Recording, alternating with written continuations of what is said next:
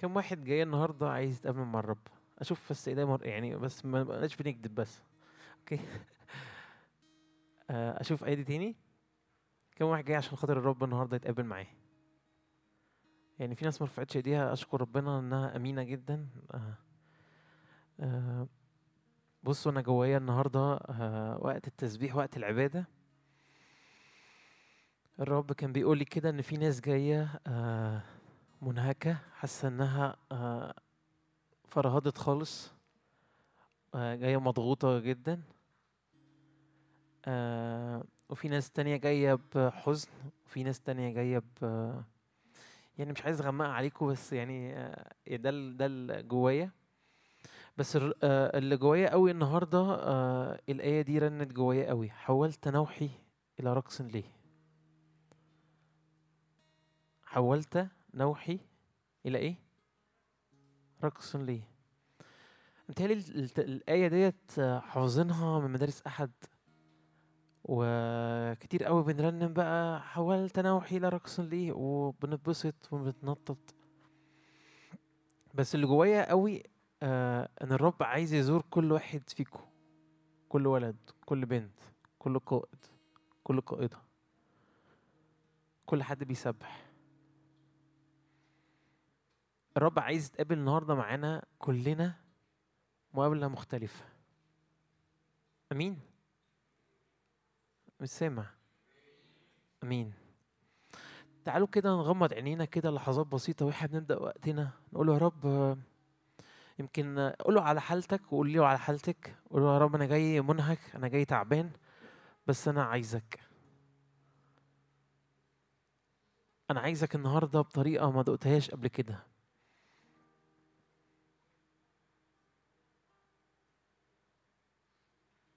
صلي كده آه، في اللحظات البسيطة ديت تقول له يا رب أنا آه، مشتاق آه، الحال الحالة اللي أنا جاي بيها الاجتماع ما اخرجش بره الاجتماع وأنا زي ما أنا.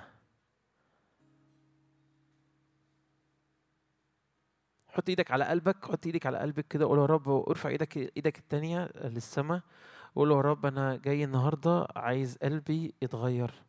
أنا رافع إيدي إعلان إيمان إن النهارده في مقابلة حقيقية.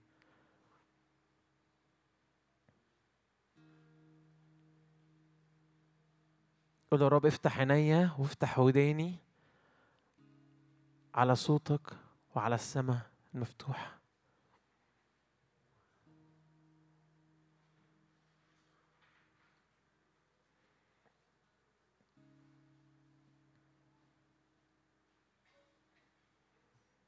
قول يا رب أنا مشتاق كده ل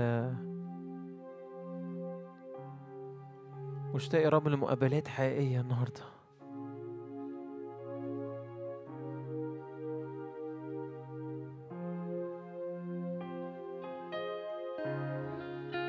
يا روح الله تعالى النهارده باقتحام لكل واحد فينا جاي منزعج جاي تعبان جاي منهك.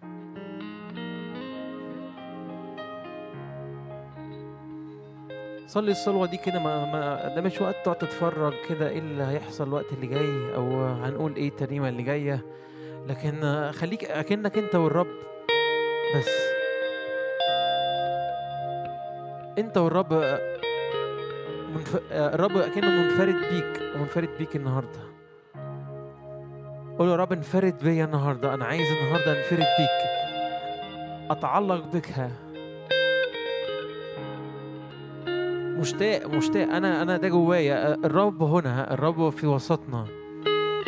ينفع ببساطة قلبي كده تقول له آه، املى املى قلبي املى كياني املى روحي. انفض كده كل كل دوشة على ذهنك كل أفكار غريبة على قلبك. قول أنا مشتاق لغمر مشتاق لفيضان.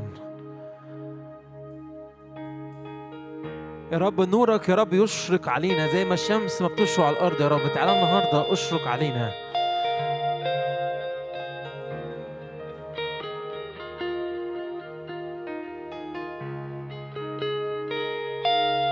يا رب غمر ينادي غمر.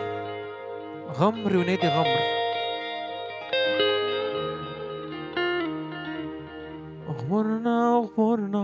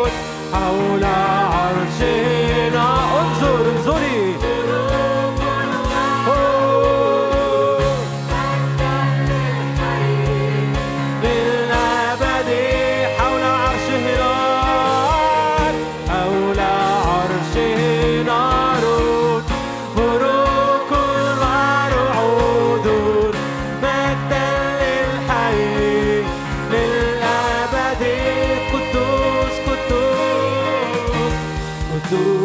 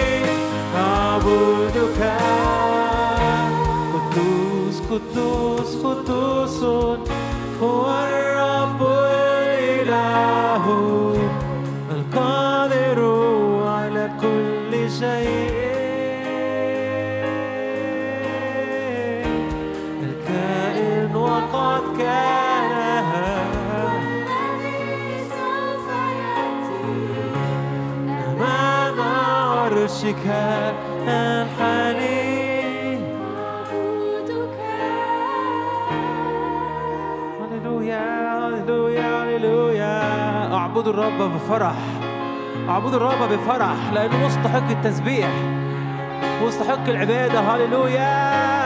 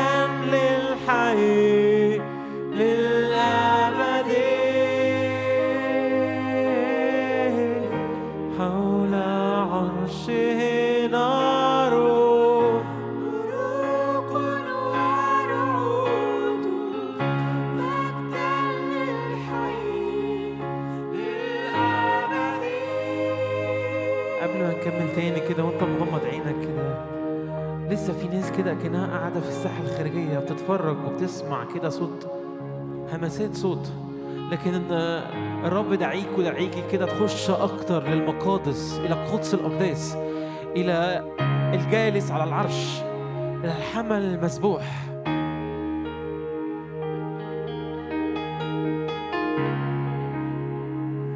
خد تاني كده لحظات كده انفض كده كل حاجة على كتافك كل حاجة على ذهنك كل حاجة على ذهنك كده. وقول يا رب أنا مشتاق لمقابلات حقيقية.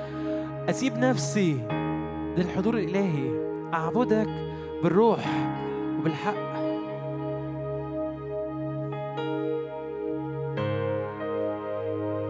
أعبدك بالروح وبالحق. أقدم لك ذبيحة حية مرضية أمامك بلا عيب. مش هينفع تقدم ذبيحة كده مش مرضية أو فيها عيب. الذبيحة لما كانت بتتقدم زمان بتتقدم كاملة ما فيهاش عيب. فمحتاج كده تنفض كده كل حاجة أنت داخل بيها كل حاجة داخلة بيها. تقول يا رب أنا أنا بتوب قدامك عن كل وقت فات. أنا كنت بقدم لك فيه ذبيحة فيها عيب.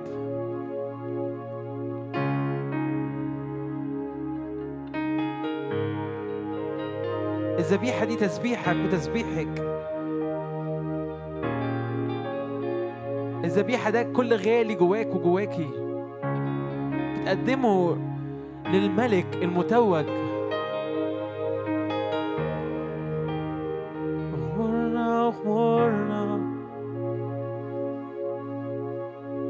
يا رب فيضان من السماء يا رب علينا.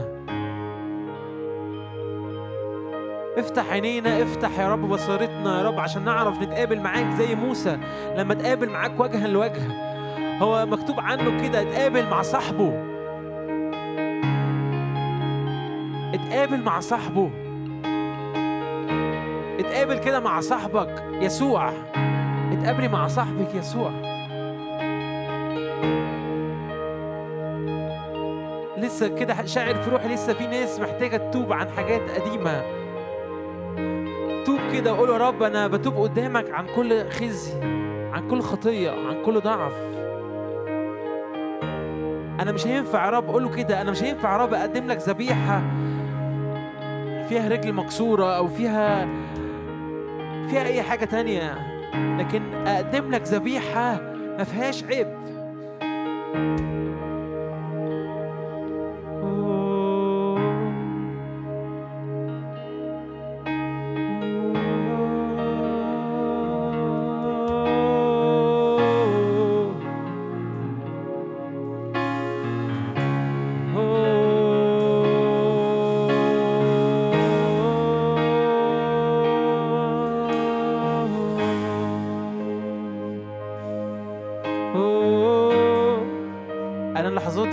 كده تطلع كده صوت وتطلع كلمات كده من قلبك من قلبك للرب. ما تستناش ترانيم مرتلة عشان تتبسط وتفرح لكن ينفع تطلع كلمات عبادة وتسبيح للملك المتوج في وسطنا. رحب بيه كده على حياتك رحب بيه رحب بالملك رحب بالملك رحب بالملك على حياتك وعلى حياتك. بنرحب بيك يا أبا الآب في وسطنا. لك الملك لك الإكرام لك السجود. مستحقون مستحقون.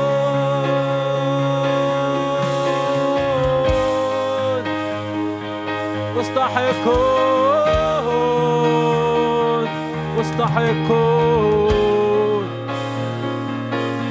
يسوع مات علشانك وعشانك عشان يديك حياة. عشان تعيش كده مرفوع الراس.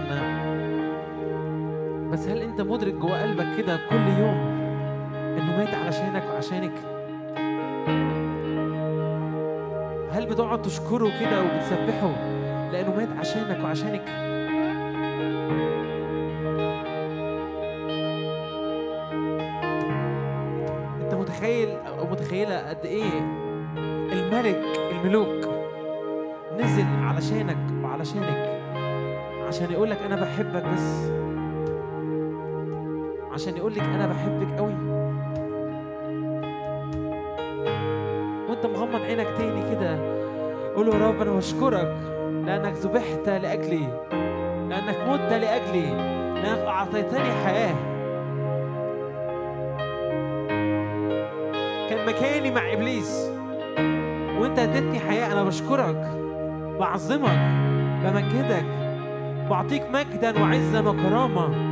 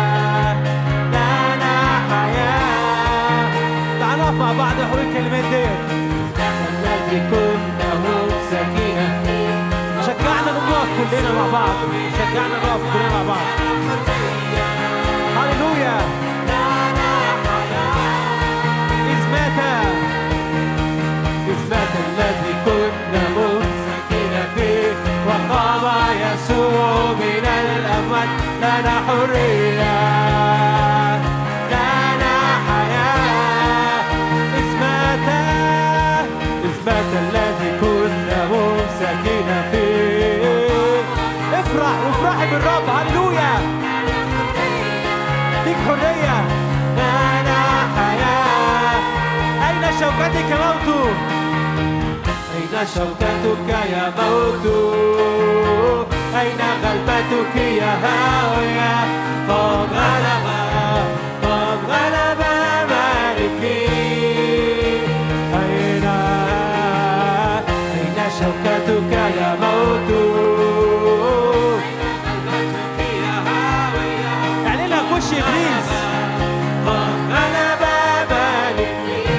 شوكتك موت أين غلبتك هوية أين شوكتك يا موت أين غلبتك يا هاوية قد غلب قد غلب مالكي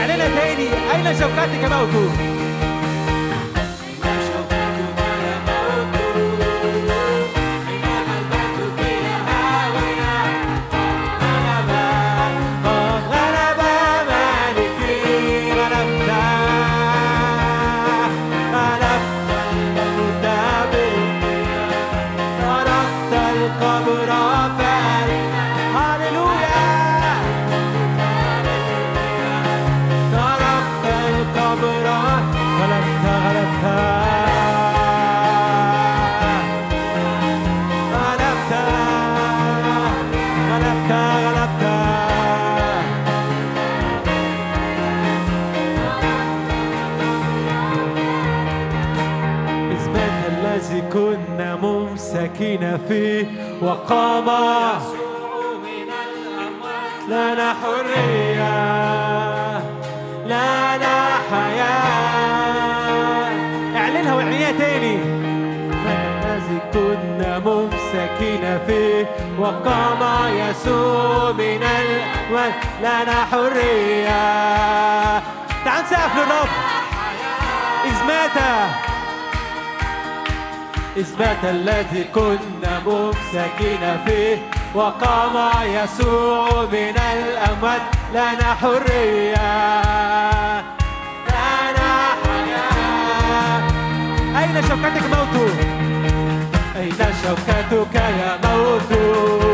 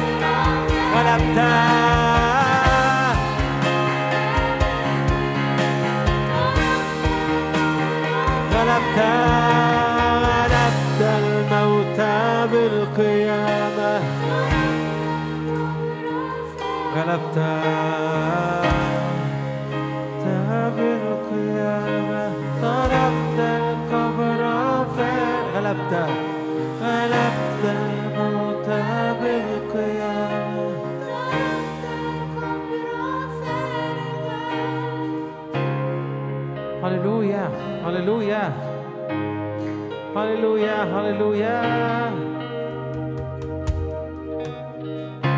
نجد نرفع اسمك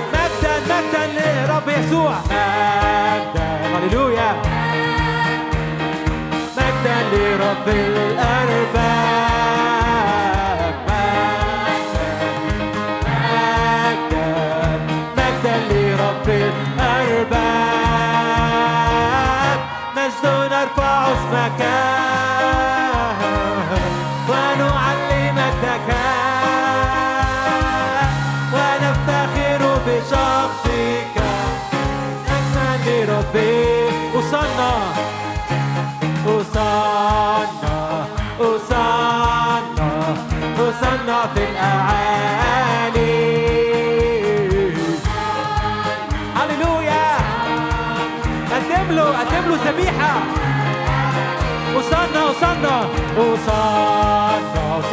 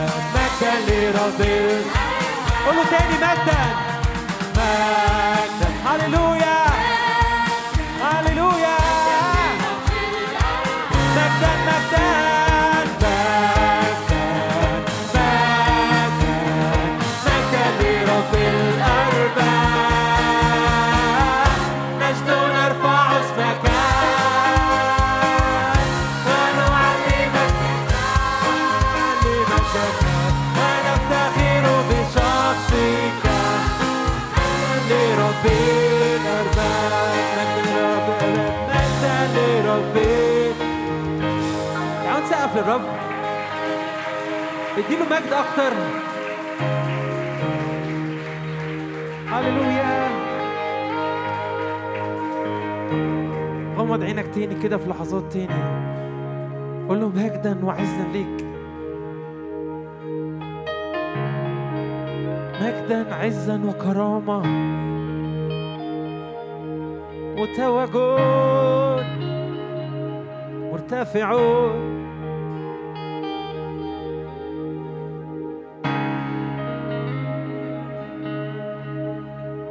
متوجون طلع كده كلمات كده تاني للرب كده افرح بالرب أكتر وسبح الرب أكتر لأنه مستحق التسبيح مستحق العبادة. طول طول الوقت في السماء طول آه، الليل والنهار بيسبحوا ملك الملوك.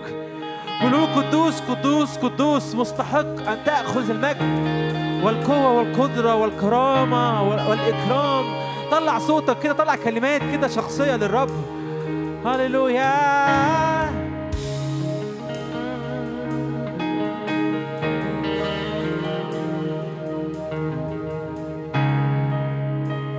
هللويا هللويا هللويا أفراح أفراح اسكب يا روح الله أفراح من عرش الله أفراح أفراح أفراح أفراح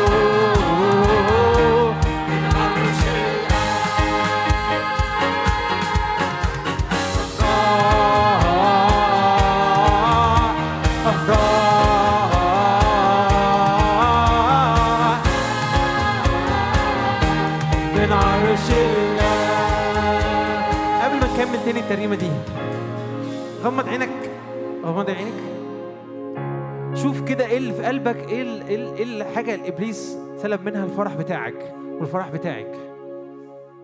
قول النهارده أنا مش هخرج بره الاجتماع ده غير وأنا بضحك وفرحان بالرب اللي مات علشاني اللي صلب واتذبح علشاني.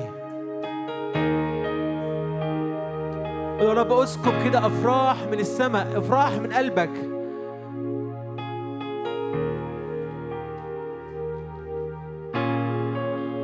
اسكب يا روح الله أفراح أفراح.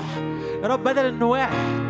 كل واحد يا رب جاي كان جاي تعبان النهارده يا رب. النهارده تبدل ال- ال- الحزن بفرح.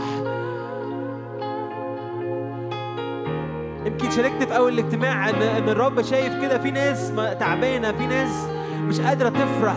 لكن الرب النهارده جاي يكسر كل كل حزن كل كآبة. الرب النهارده جاي ينتصر كده جواك على كل دوشة على كل حتة صعبة. محتاج كده تعلن آه، إيمانك كده وتعمل فعل نبوي كده تنفض كده كل حزن وكل كل روح اكتئاب في اسم يسوع على حياتك. ويا رب من اليوم فصاعدا أفراح السماء تنسكب على حياتي. أفراح السماء تنسكب على حياتك.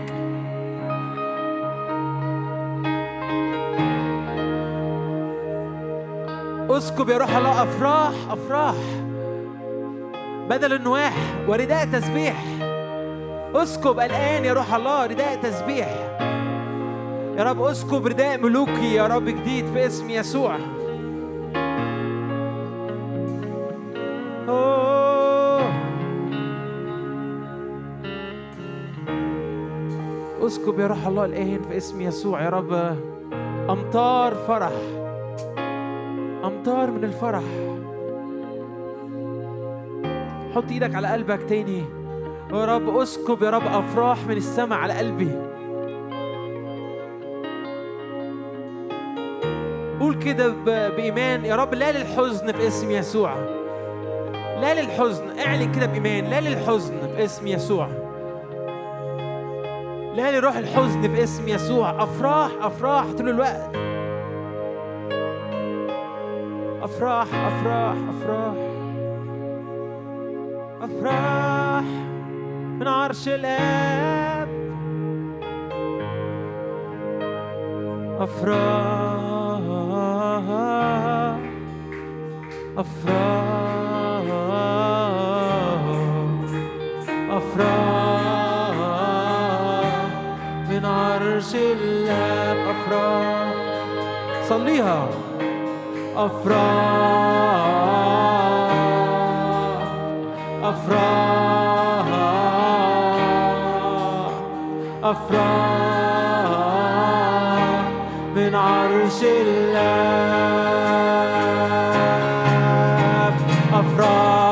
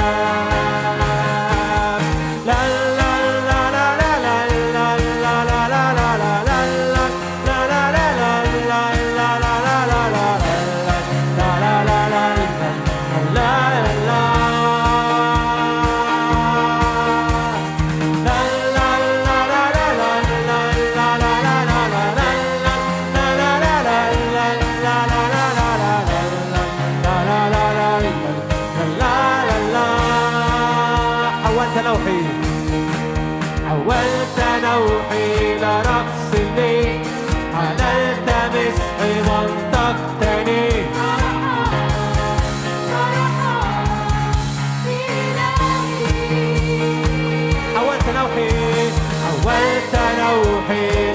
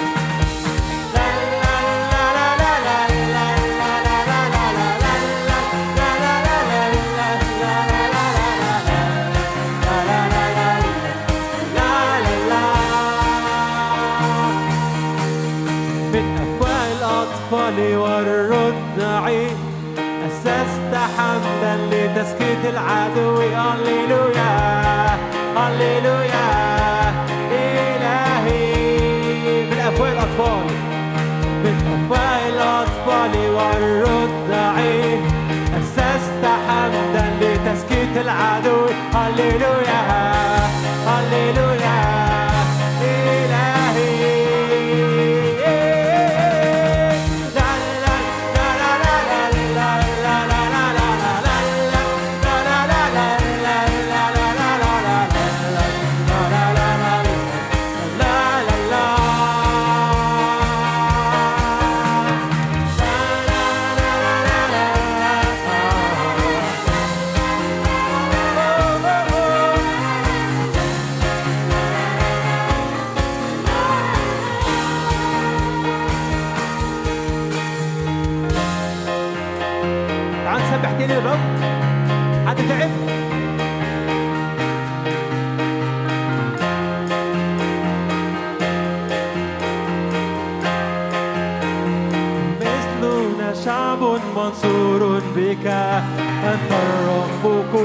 قوتنا تصحب أعدائنا تحت أرجلنا.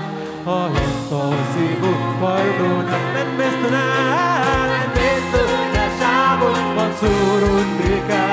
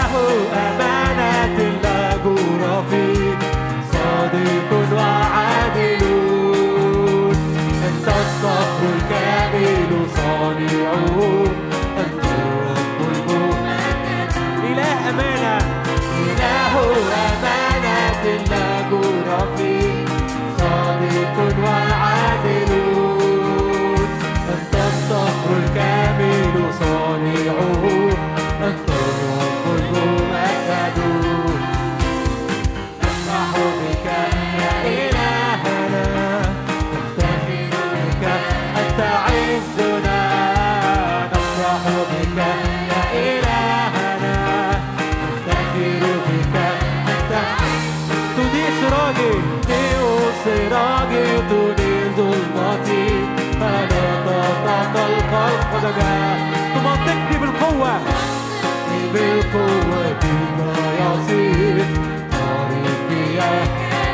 أنت تضيء سراجي تضيء سراجي تضيء ظلمتي فلا تتقلق القدماء تمنطقني بالقوة يصير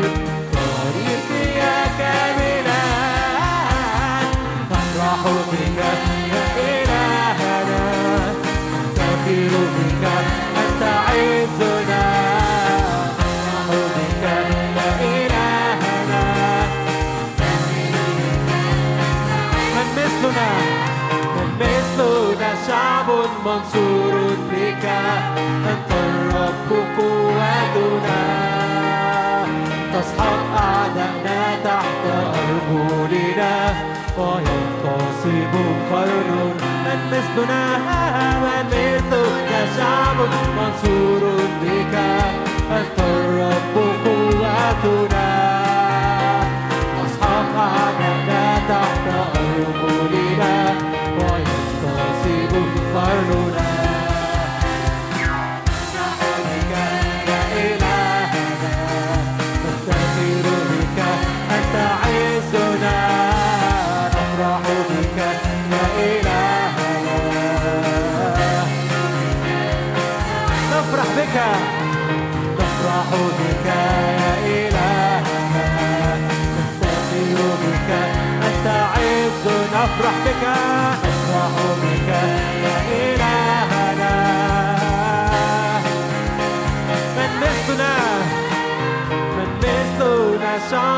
منصور بك. أنت الرب قوتنا. افتخر بالرب افتخر بالرب. أعداءنا تحت أرجلنا وينتصب قرننا. افتخر بالرب هللويا. مثلنا شعب منصور بك. أنت. الرب قوتنا. هللويا. تسحق أعداءنا تحت أرجلنا وينتصب نفرح بك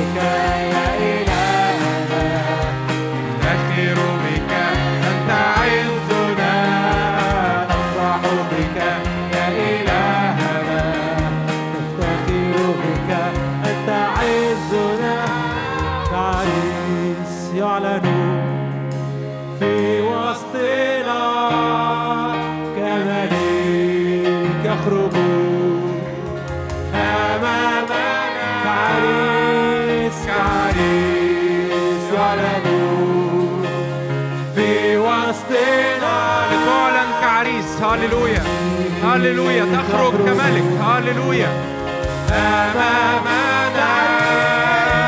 كعريس افراح هللويا وانتصارات وقوة الله في اسم يسوع في اسم يسوع كملك يخرج أمام صوت عرس آت صوت عرس آت فوق السحاب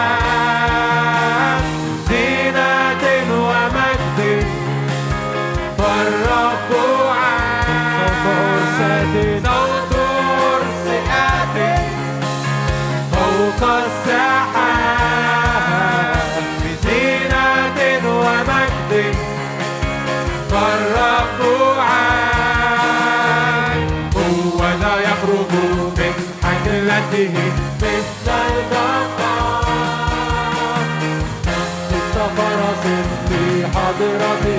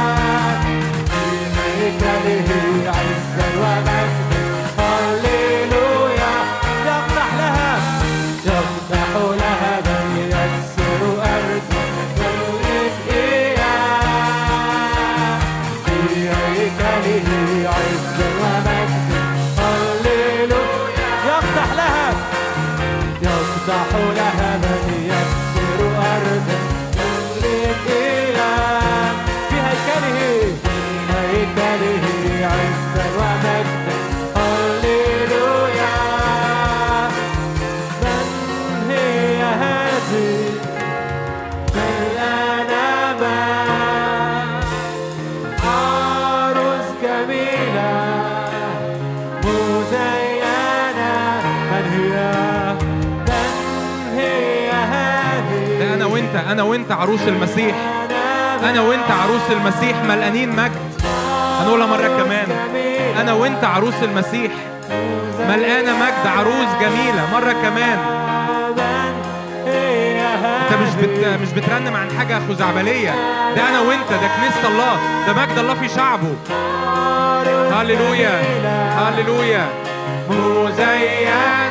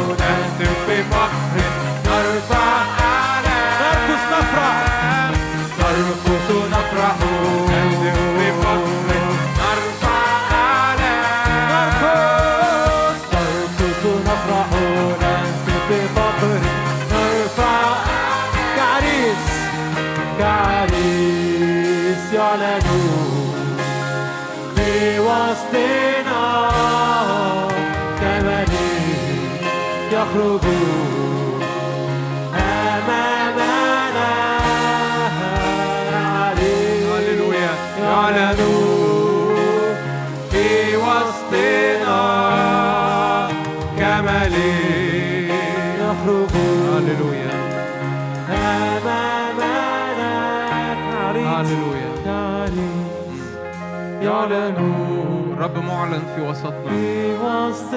هللويا. بيغطي شعبه بيبارك شعبه.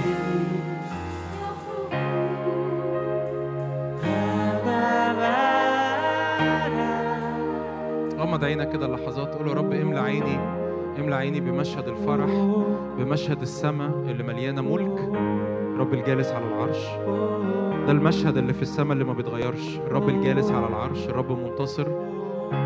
السماء مليانة ألوان مليانة ابتهاج مليانة أفراح مليانة حرية مليانة انطلاق.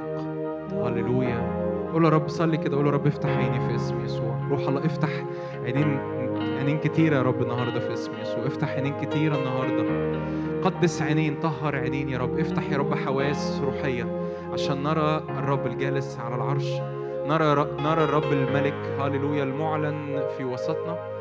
أنا بصلي إن الروح القدس يملى كل عين هنا يملى كل خيال يملى كل ذهن هنا بالمشهد ده. الرب الجالس على العرش عالي مرتفع مليان ألوان مش أبيض وأسود مليان فرح مليان سلام مليان إطلاق. هللويا مليان بركة لحياتك وحياتك. هللويا هللويا بنتوجك يا رب بنتوجك. لأنك عظيم يا رب لأنك مستحق. هللويا ليس لعظمتك استقصاء ليس لعظمتك استقصاء. مفيش زيك يا رب مفيش زيك. مين شبهك يا رب؟ مين شبهك يا رب؟ مين شبهك؟ زي ما كنا بنعبد دي آيات آيات موجودة في سفر التثنية من مثلنا شعب منصور بالرب؟ مين مين يا رب؟ مين مين زينا عنده إله قدير وعظيم ومنتصر وغالب ومحب؟ مين زيي يا رب؟ مين زيي؟ مين زيي؟ الكتاب يقول كده آلهة الشعوب أصنام. لا تسمع ولا ترى ولا تتكلم لكن الرب إلهنا خلق السماوات والأرض. هللويا. هللويا. ناس كتير بيقولوا عندهم آلهة بس الآلهة دي ما بتعملش أي حاجة. بيصلوا لها وبيصرخوا لها وبينادوا عليها وما بيحصلش حاجة. لكن إلهنا خالق السماء والأرض. قول يا رب لأنه من مثلي يا رب لأني أنتمي لشعب منتصر بالرب. بارك رب في قلبك في اللحظات دي. بارك رب في قلبك. ما تستناش الترنيمة اللي جاية. بارك الرب في قلبك. قول أنا بباركك. أنا بعظمك. لو مش لاقي كلمات ردد الكلمات اللي أنا بصليها قول يا رب أنا بباركك أنا بعظمك. أنت مستحق. شكرا يا رب لأنك موجود شكرا لأنك صالح شكرا لأنك في حالة واحدة من الانتصار ومن الغلبة ومن القوة ومن الجمال. شكرا لأنك مليان قداسة ومليان نور ومليان محبة ومليان غفران. شكرا لأنك إله أمانة. ما بتتغيرش يا رب ما بتتغيرش. ينفع اتكل عليك طول الوقت ينفع تسند عليك طول الوقت ينفع أترمي عليك طول الوقت ينفع كل مرة أبص عليك أفرح. هللويا. ينفع في كل مرة أبص عليك أفرح. حالة ما بتتغيرش من الفرح. ينفع في كل مرة أبص عليك. الكتاب يقول كده نظروا إليه وسط نار ووجوههم لم تخجل. يا رب شكرا يا رب لأجل جيل يا رب مليان بالرؤية. جيل يا رب مليان بالرؤية. ولاد وبنات يا رب. شباب يا رب وشابات مليانين بالرؤية. مليانين بالملك. مليانين بالعرش. مليانين بالابتهاج. مليانين بالفرح. كل آلات حزن اترمت عليك تكسر في اسم يسوع. كل روح حزن اترمى عليك. يكسر الآن في اسم يسوع. كل كآبة قلب اترمت عليكي بسبب ظروف أو من غير أسباب. في اسم يسوع تترفع الآن من على قلبك ترفع الآن من على قلبك.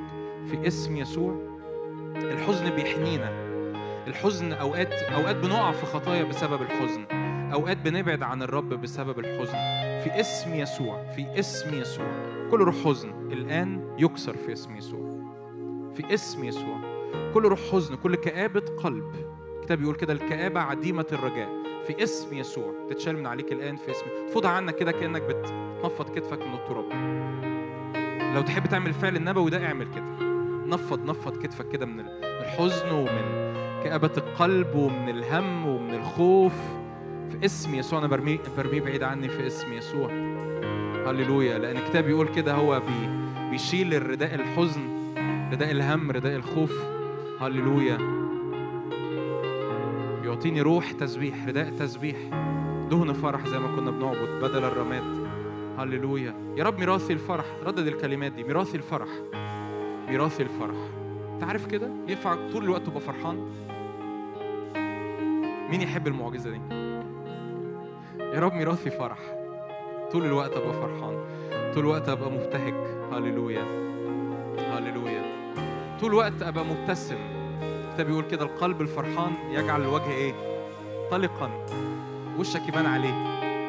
قول يا رب أنا أشكرك لأنه القلب الفرحان اللي تملاه بالفرح يجعل الوجه طلقا في اسم يسوع. هللويا. نعبدك يا رب بفرح وبطيبة القلب. الكتاب بيقول كده بنعبد الرب بفرح وبطيبة القلب يعني قلوب طيبة قلوب راغبة قلوب عايزة تعبد الرب. هللويا. في دهنة جميلة سويت في حاجة سويت الرب بيسكبها علينا. من سلام ومن فرح هللويا من محبة من روعة الرب عيننا تتملي بروعة الرب. كل حاجة كنت أنت جاي محمل بيها.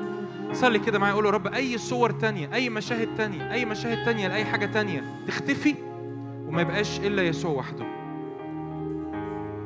في اسم يسوع. كل مشاهد تانية كل مشاهد أنا كنت جاي محمل بيها كل مشاهد خوف أو حزن أو أو توقعات سلبية أو خوف من المستقبل أو ظروف. في اسم يسوع في اسم يسوع. يرتفع يسوع وحده. مشهد يسوع الجالس على العرش العالي. هللويا.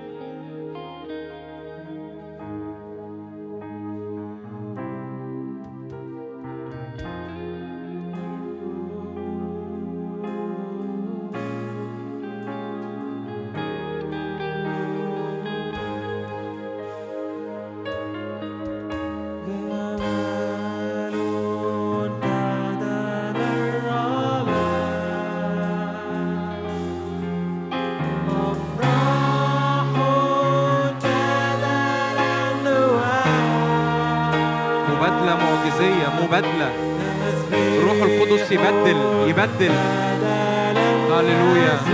هللويا.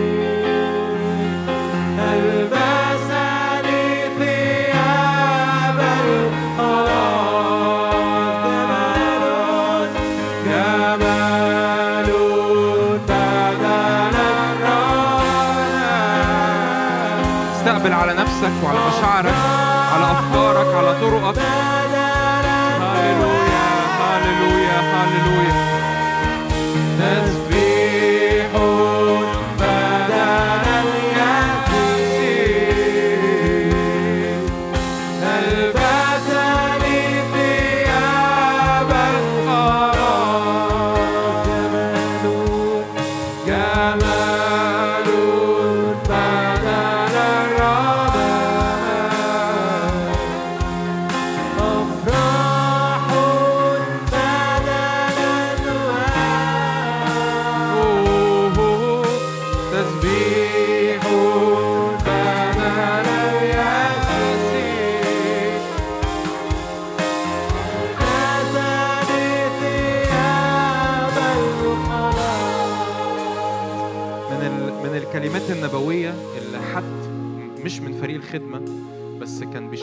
بيشاركنا بالكلمات النبوية دي إنه حد موثوق فيه يعني إنه.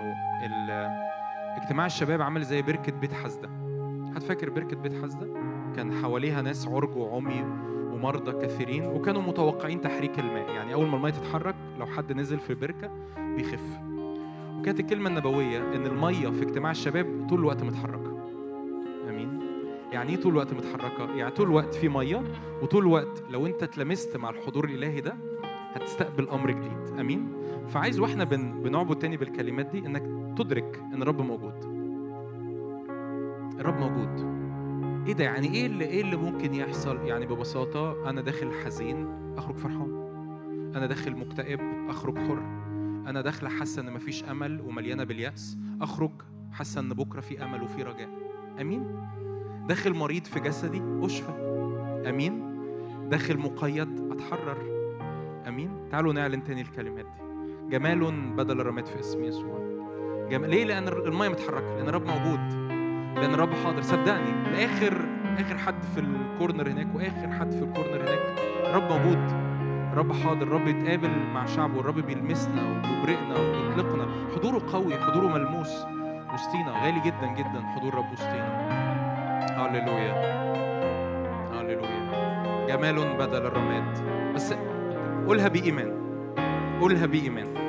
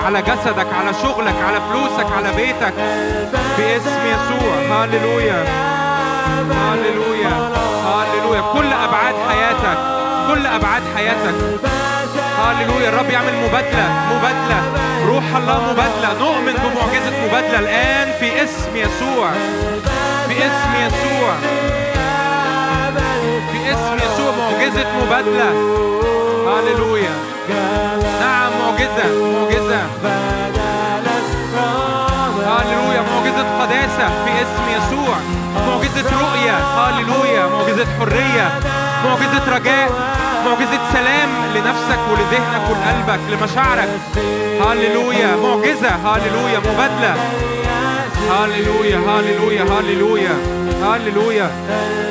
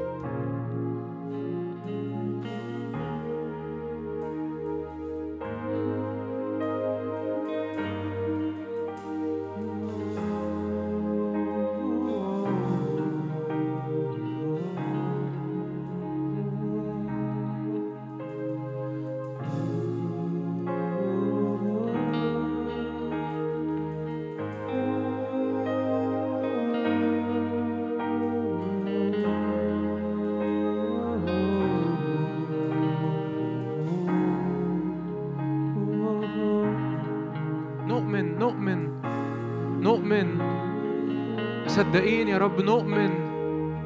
زي نزفت الدم اللي لمست هود بثوبك نؤمن. قالت إن مسست هود بثوبه شفيت والرب هنا الآن بنلمس هود بثوبه هللويا. فتسري قوة فينا فتسري قوة فينا. فتخرج منه قوة وتشفينا. هللويا. نؤمن. نؤمن. نؤمن. هللويا. نؤمن. هللويا.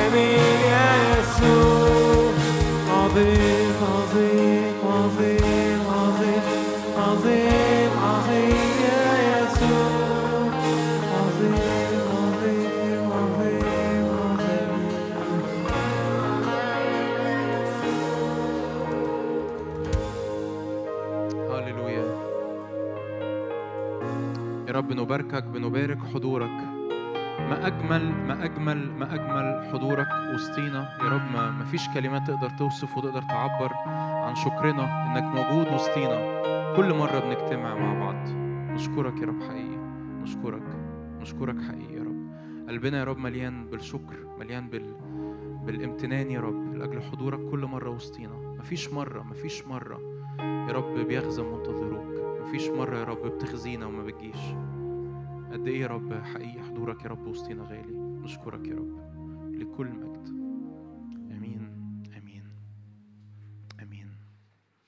هاليلويا هاليلويا النهارده الظهرية كده كنت بصلي لأجل الاجتماع وبعدين في كلمة اترمت جوايا آه، كلمة فيستيفال مهرجان. عارفين عارفين مهرجان؟ يقول لك في مهرجان مش عارف إيه مهرجان الأكل مهرجان الشرب مهرجان ال- الأغنية الشعبية عارفين المهرجانات دي؟ و... وكان جوايا إنه إنه ال... يعني عايز عايز أعبر مظبوط عن اللي جوايا إنه مش بس بسبب الكلمة دي لكن كأنه كأنه الكلمة دي كان ربنا بيترجم مشاعري تجاه الاجتماع يوم الحد كل مرة باجي مشاعري وأفكاري يعني تجاه الاجتماع يوم كل يوم حد لما باجي بشعر إن إحنا جايين مهرجان مش جايين اجتماع فاهمين فاهمين أقصد إيه؟ إحنا جايين مهرجان أنت كل يوم حد أنت بتيجي تحتفل تسبيح فرح بالرب حضور الله معلن وسطينا كل كل مرة بنجتمع. طب بمنتهى الأمانة كده يعني كم حد مميز إن ربنا موجود وسطينا؟ يعني هللويا مجدا للرب مجدا للرب. فأحس أحس يعني كل مرة كده لما يسألوك أنت نازل فين النهارده تقول لهم أنا رايح فين؟ مهر... آه مهرجان تتويج الملك. كل مرة كده تقول لهم أنا را- رايح فين؟ رايح رايح أنا رايح مهرجان تتويج الملك. كل مرة كل يوم حد أنت نازل إيه؟ خلي خلي دايما ده الاتيتيود اللي في قلبك. أفتكر في وقت من فترة كده طويلة آه، مش فاكر من كام سنة كنت بشعر الشعور ده في في, في اجتماعات. بس بقالي فترة طويلة ما, كنتش بحس ال- الشعور ده. بس بقالي فترة حاسس إن ربنا بيرجع ال- الإحساس ده إن إحنا في مهرجان. فكل مهرجان مستمر بقى. يعني كل يوم حد بنيجي الملك الملك بيتوج. عارفين ال- الشعوب القديمة لما كان في حاجة اسمها عيد تجليس الملك. عارف ده آه ده فيزياء مش ما أنا عارف بس بقول أي حاجة. يعني ده تاريخ ملوش يعني مش كتاب مقدس. ف... فعيد تجليس الملك ده اللي هو إيه؟ يعني الملك بيقعد على الكرسي بتاعه آه، ملك مات وفي ملك تاني بيقعد على الكرسي مكانه فبيعملوا له احتفال. كان في لسه قريب في إنجلترا.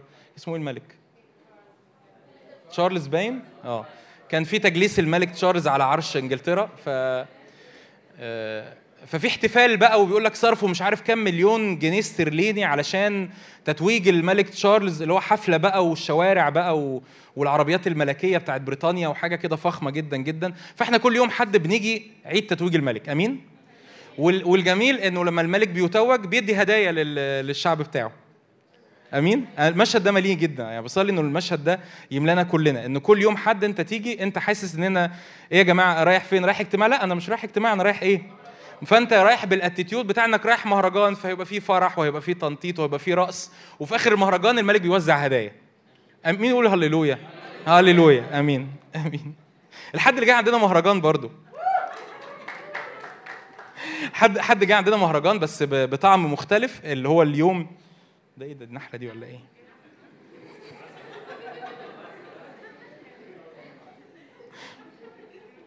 فالحد اللي جاي عندنا اليوم بتاع awakening عملناه قبل كده في شهر سبعة. إيه اليوم بتاع awakening ده؟ عشان انت لو ما كنتش موجود ال- المرة اللي فاتت. اليوم ده إحنا إحنا بنبقى مركزين فيه على إعلان ملكوت الله بكل صوره. اليوم ده إحنا بنركز فيه على إعلان ملكوت الله بكل إيه؟ بكل أبعاده. فهي ما بتكونش وعظة عادية أو وعظة تعليمية لكن بتبقى وعظة بتركز على في اسم يسوع. تركز على عمل ملكوت الله في وسطينا. فلو أنت عندك مثلا واحد صاحبك أنت عارف إنه بعيد عن ربنا ومحتاج يتوب تعمل إيه؟ تجيبه. عندك ابن خالتك اللي, اللي, اللي مهاجر أمريكا وصادف اليومين دول نازل أجازة في مصر وأنت عارف إن هو بعيد عن الرب تعمل إيه الحد الجاي؟ تجيبه. في واحد آه مريض آه مرض جسدي تعمل إيه الحد اللي جاي تجيبه حد محتاج صلاة عشان تحرير من قيود أرواح شريرة ولا من سحر ولا من تعمل إيه الحد الجاي؟ تجيبه ليه؟ لأن الحد جاي عندنا مهرجان أمين؟ حد جاي عندنا إيه؟ ال- ال- الآخر مره آخر مرة عملنا اليوم ده الحقيقة فعل فعلا آه، يعني يمكن إحنا ما بنطلعش الناس ويشهدوا ويقول أنا كنت كذا وبقيت كذا والقصص دي. يمكن في يوم من الأيام الرب يقود إن إحنا نعمل كده. لكن ال- المره آخر مرة عملنا القصة دي فعلا آه، خلاص نفوس كتير قوي ناس كتير قوي قبلت الرب ناس كتير قوي قوي اتحررت من أرواح شريرة ومن قيود. في ناس كانت جاية بره القاهرة. عشان يتصلى معاها تحرير آخر مرة عملنا اليوم ده. في ناس كتير قوي قوي اختبرت شفاءات جسدية وشفاءات نفسية وفي ناس كتير قوي قوي استقبلت كلمات نبوة والخدام كانوا بيصلوا معاهم. أمين؟ فأنا متأكد إن كل واحد فينا يعرف على الأقل واحد محتاج حاجة. صح ولا إيه؟ يا محتاج إنه يقبل الرب يا محتاج إنه يتوب يا كان مؤمن وساب ربنا بقاله فترة يا محتاج شفاء يا محتاج حرية يا محتاج إنه حد يصلي معاه عشان يشجعه هاتوا معاك الحد اللي جاي. أمين؟ أمين صلي أشجعك أشجعنا كلنا. دي مسؤولية مشتركة ما بيننا كلنا. يعني تعمل إيه لحد الحد الجاي؟ أنت بتصلي مش بس تجيب حد أنت بتصلي. أنت بتصلي. هتجيب حد؟ آه هتجيب حد بس أنت بتصلي عشان الاجتماع وبتصلي عشان الخدام وبتصلي عشان الوعظ اللي هيوعظ في الاجتماع وبتصلي عشان المسبح وبتصلي يا رب اغلى حاجة وصينا إن أنت تبقى حاضر وإن أنت تبقى موجود وإنك تلمس النفوس. ويا رب صاحبي ده اللي أنا جايبه ولا صاحبتي اللي أنا جايباها يا رب تتقابل معاك. فهتعمل إيه من هنا لحد الجاي؟ ها بتعمل إيه؟ بتصلي مش بس بتصلي عشان الشخص اللي انت جايبه لكن بتصلي عشان إيه؟ عشان كل حاجة هتحصل يوم الحد اللي جاي. آمين؟ آمين. فالحد الجاي عندنا إيه؟ مهرجان. آمين. طيب ندخل في في الوعظة بتاعتنا النهارده. ممكن نشغل البرزنتيشن بتاعت الجواز. نتكلم النهارده عن موضوع شيق جدا. نتكلم عن الجواز. اسم يسوع. طب يقولوا علينا إيه طيب؟ يقولوا علينا إيه طيب؟ يعني اللي بيتفرجوا علينا يقولوا إيه؟ اللي بيتابعونا على الفيسبوك يقولوا إيه؟ يصح كده. يصح كده. النهارده نتكلم عن الجواز. إيه ده؟ حد يجيب لي مضرب دبان ولا حاجة؟ شبشب ولا إيه؟ خلاص خلاص خلاص عشان نلحق عشان نلحق نتكلم النهارده نتكلم عن الجواز والعلاقة الجنسية. أمين؟ متى خمسة متى خمسة سبعة وعشرين. في ناس خرجت. أول ما قال يا عم النهارده اجتماع bye bye bye bye. متى 5 27 حد فاكر إحنا بن... إحنا بنعمل إيه؟ بقالنا فترة شوية بقالنا دي ثالث مرة. نتكلم عن إيه؟ ما... لا. شكرا. نتكلم في مواضيع في الموعظة على الجبل فدي ثالث مرة. كانت المفروض المرة اللي فاتت برضو سامر يكلمنا عن حاجة بس ربنا خدنا في بس هنكمل لسه مكملين يعني. متى 5 27 قد سمعتم أنه قيل للقدماء لا تزني. أما أنا فأقول لكم كل من ينظر إلى امرأة ليشتهيها فقد زنى بها في قلبه فإن كانت عينك اليمنى تعثرك فاقلعها والقها عنك لأنه خير لك أن يهلك أحد أعضائك ولا يلقى جسدك كله في جهنم. وإن كانت يدك اليمنى تعثرك فاقطعها اقطعها والقها عنك. يعني لو في حاجة أنت عارف إن الحاجة دي بتقودك للخطية افصلها عنك. أكيد الرب يسوع ما يقصدش إنك تخلع عينك أو تقطع إيدك. لأن أنا لو يعني بال- بالنص يعني لو أنا هفهم الآية بالبساطة دي فأنا لو شلت عيني اليمين طب أنا ممكن أشتهي بعيني الشمال. صح ولا إيه؟ وبعدين الشهوة أصلا فين؟ كل من نظر لامرأة ليشتهيها فقد زنى بها فين؟ فين؟ في قلبه. فالمشكلة فين؟ في القلب. فالشهوة مشكلتها في القلب. لأنه خير لك أن يهلك أحد أعضائك ولا يلقى جسدك كله في جهنم. يعني الرب يسوع ببساطة بيتكلم ان لو في حاجة بتقودك للشهوة أو بت- بتعثرك ابعد عن الحاجة دي. فالحاجة دي ممكن تبقى علاقة ممكن تبقى account على ال social media ممكن تبقى تشات على الواتساب ممكن يبقى شخص لازق فيا وأنا لازقة فيه نبعد عن بعض. وبعدين عدد 31 وقيل من طلق امرأته فليعطيها كتاب إيه؟ طلاق أما أنا فأقول لك إن من طلق امرأته إلى لعلة الزنا يجعلها تزني ومن يتزوج بمطلقة فإنه إيه؟ يزني. إحنا النهارده ببساطة هنناقش موضوع الجواز والعلاقة الجنسية في الجواز. مشغول كنت مشغول بقالي فترة بالموضوع ده هقدم الموضوع عن آه، بشكل أسئلة وإجابات يعني هسأل سؤال وأجاوبه وأسأل سؤال وأجاوبه يعني أعتقد دي أبسط طريقة ممكن نكون بن- بنتعلم بيها مع بعض. فأنا هقدم الموضوع في صيغة أسئلة وأجوبة. آه، هركز أول النهاردة مش هركز كتير لما بي- بيجي سيرة الخطايا الجنسية. اللي كان معانا في مدرسة ملء الحياة خلال الثلاث سنين اللي فاتوا. ده جزء مهم من ال- اللي إحنا بنناقشه في المدرسة العلاقات والارتباط والجواز. فاحنا بالفعل بنتكلم في الحاجات دي في المدارس وفي الح... الأيام اللي كانت بتتعمل أيام الجمعة. لكن حابين إن إحنا نقدمه على المنبر يوم الأحد عشان يبقى ال- الرسالة وصلت لكل الناس. و... ومش هنركز على الغلط اللي ما تعملوش لكن هنركز على الديزاين على الصورة الإلهية اللي الرب اختار إنه يخلق بيها هذه العلاقة اللي اسمها علاقة الجواز. أمين؟ فمش هتسمع مني النهارده كتير ما تعملش إيه لكن هتسمع مني النهارده كتير إيه الشكل إيه التصميم الإلهي اللي ربنا خلق عليه العلاقة المكرمة اللي اسمها الجواز. أمين؟ أول أول سؤال إيه هو الجواز؟ أنت هتقلب معايا بقى أنا مش مش إيه هو إيه هو الجواز؟ فده أول سؤال الجواز ببساطة أنا هقول التعريف وهنفصصه. الجواز هو عهد عهد هشرح لك يعني إيه عهد لأجل علاقة اتحاد اتحاد ما بين طرفين. الاتحاد ده بيشمل الروح والنفس والجسد بين ذكر واحد وأنثى إيه؟ واحدة ومفيش جملة مكتوبة زيادة. فالجواز هو علاقة عهد في اتحاد روح ونفس وجسد ما بين ذكر واحد وأنثى إيه؟ واحدة تستمر لنهاية إيه؟ الحياة. علشان الاثنين دول مع بعض بيتمموا مشيئة الله ومقاصده على الأرض. فهي علاقة فيها اتحاد أنا كل ده هشرحه بالتفصيل. هي عهد في اتحاد في الروح وفي النفس وفي الجسد ما بين ذكر وما بين أنثى لنهاية الحياة. ما فيش حاجة تفصلهم إلا الموت. ده شكل الجواز الكتابي. طبعا كل حاجة ليها آيات. مش لازم دايما هقرأ الآيات عشان الوقت. عشان يتمموا مشيئة الله ومقاصده على الأرض. وعشان كده الرب يسوع يقول لكن من بدء الخليقة ذكرا وأنثى خلقهما الله. من أجل هذا يترك الرجل الرجل أباه وأمه ويلتصق بإيه؟ بامرأته ويكون الاثنان جسدا واحدا. إذا ليس بعد اثنين بل الجسد إيه؟ وحدة واحدة. وهشرح لك يعني إيه وحدة واحدة كمان شوية. مش معناها إن الاثنين لازم يروحوا كل المشاوير مع بعض. مش لازم مش معناها إن الاثنين لازم يشتغلوا كل الشغل مع بعض. مش لازم مش معناها إنه لازم لازم الاثنين لازم يلعبوا نفس الرياضة. لا مش معناها كده. لكن هشرح لك يعني إيه؟ في واحد اسمه ذكر واحدة اسمها أنثى. الاثنين مع بعض بيتحدوا علشان يكونوا وحدة واحدة اسمها عيلة. الهدف ما بقاش الذكر لوحده ما بقاش أنا مراتي اسمها هالة. فالهدف ما بقاش جون إنه جون يحقق نفسه أو إن هالة تحقق نفسها. الهدف بقى اسمه بيت بيت جديد وحدة.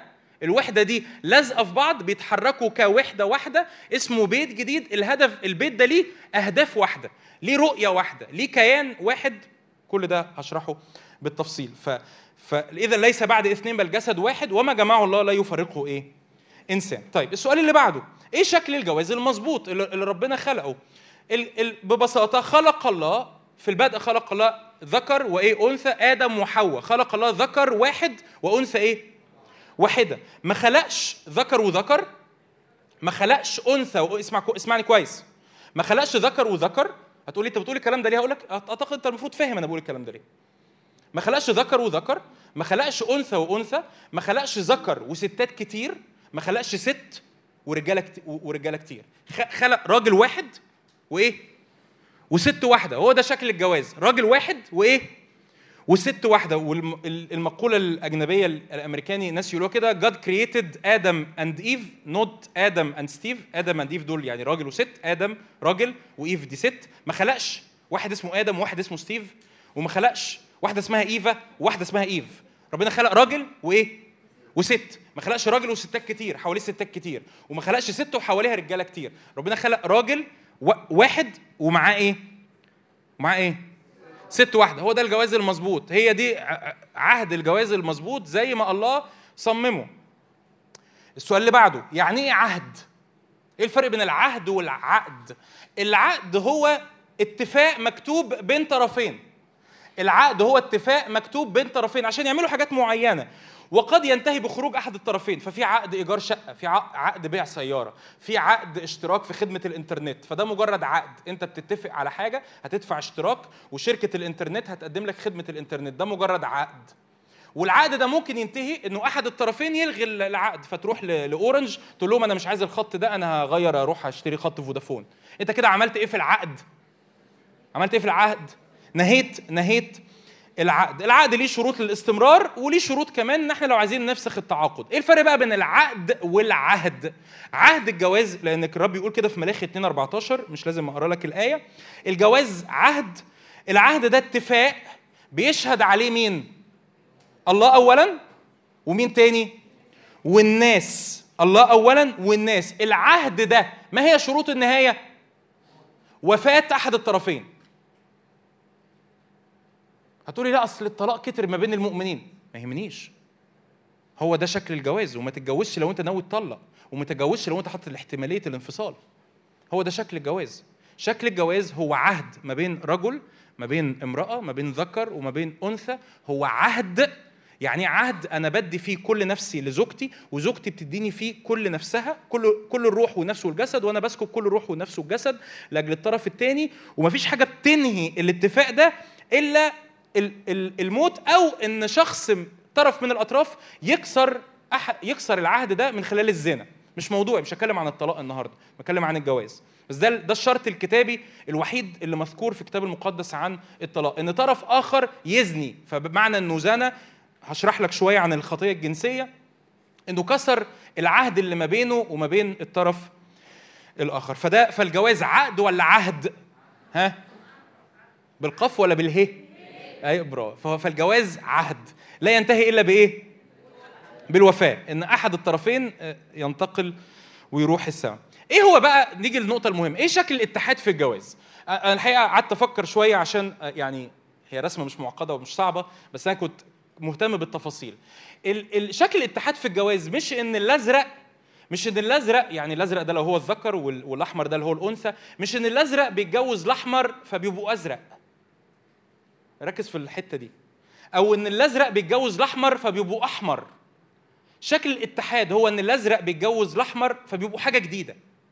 حاجة ما كانتش موجودة قبل كده هشرحها لك بالتفصيل. هو ده هو ده شكل الاتحاد. أول أول نقطة في لو نقلب السلايد أيوه. إن إن في سمات مختلفة في كل فرد.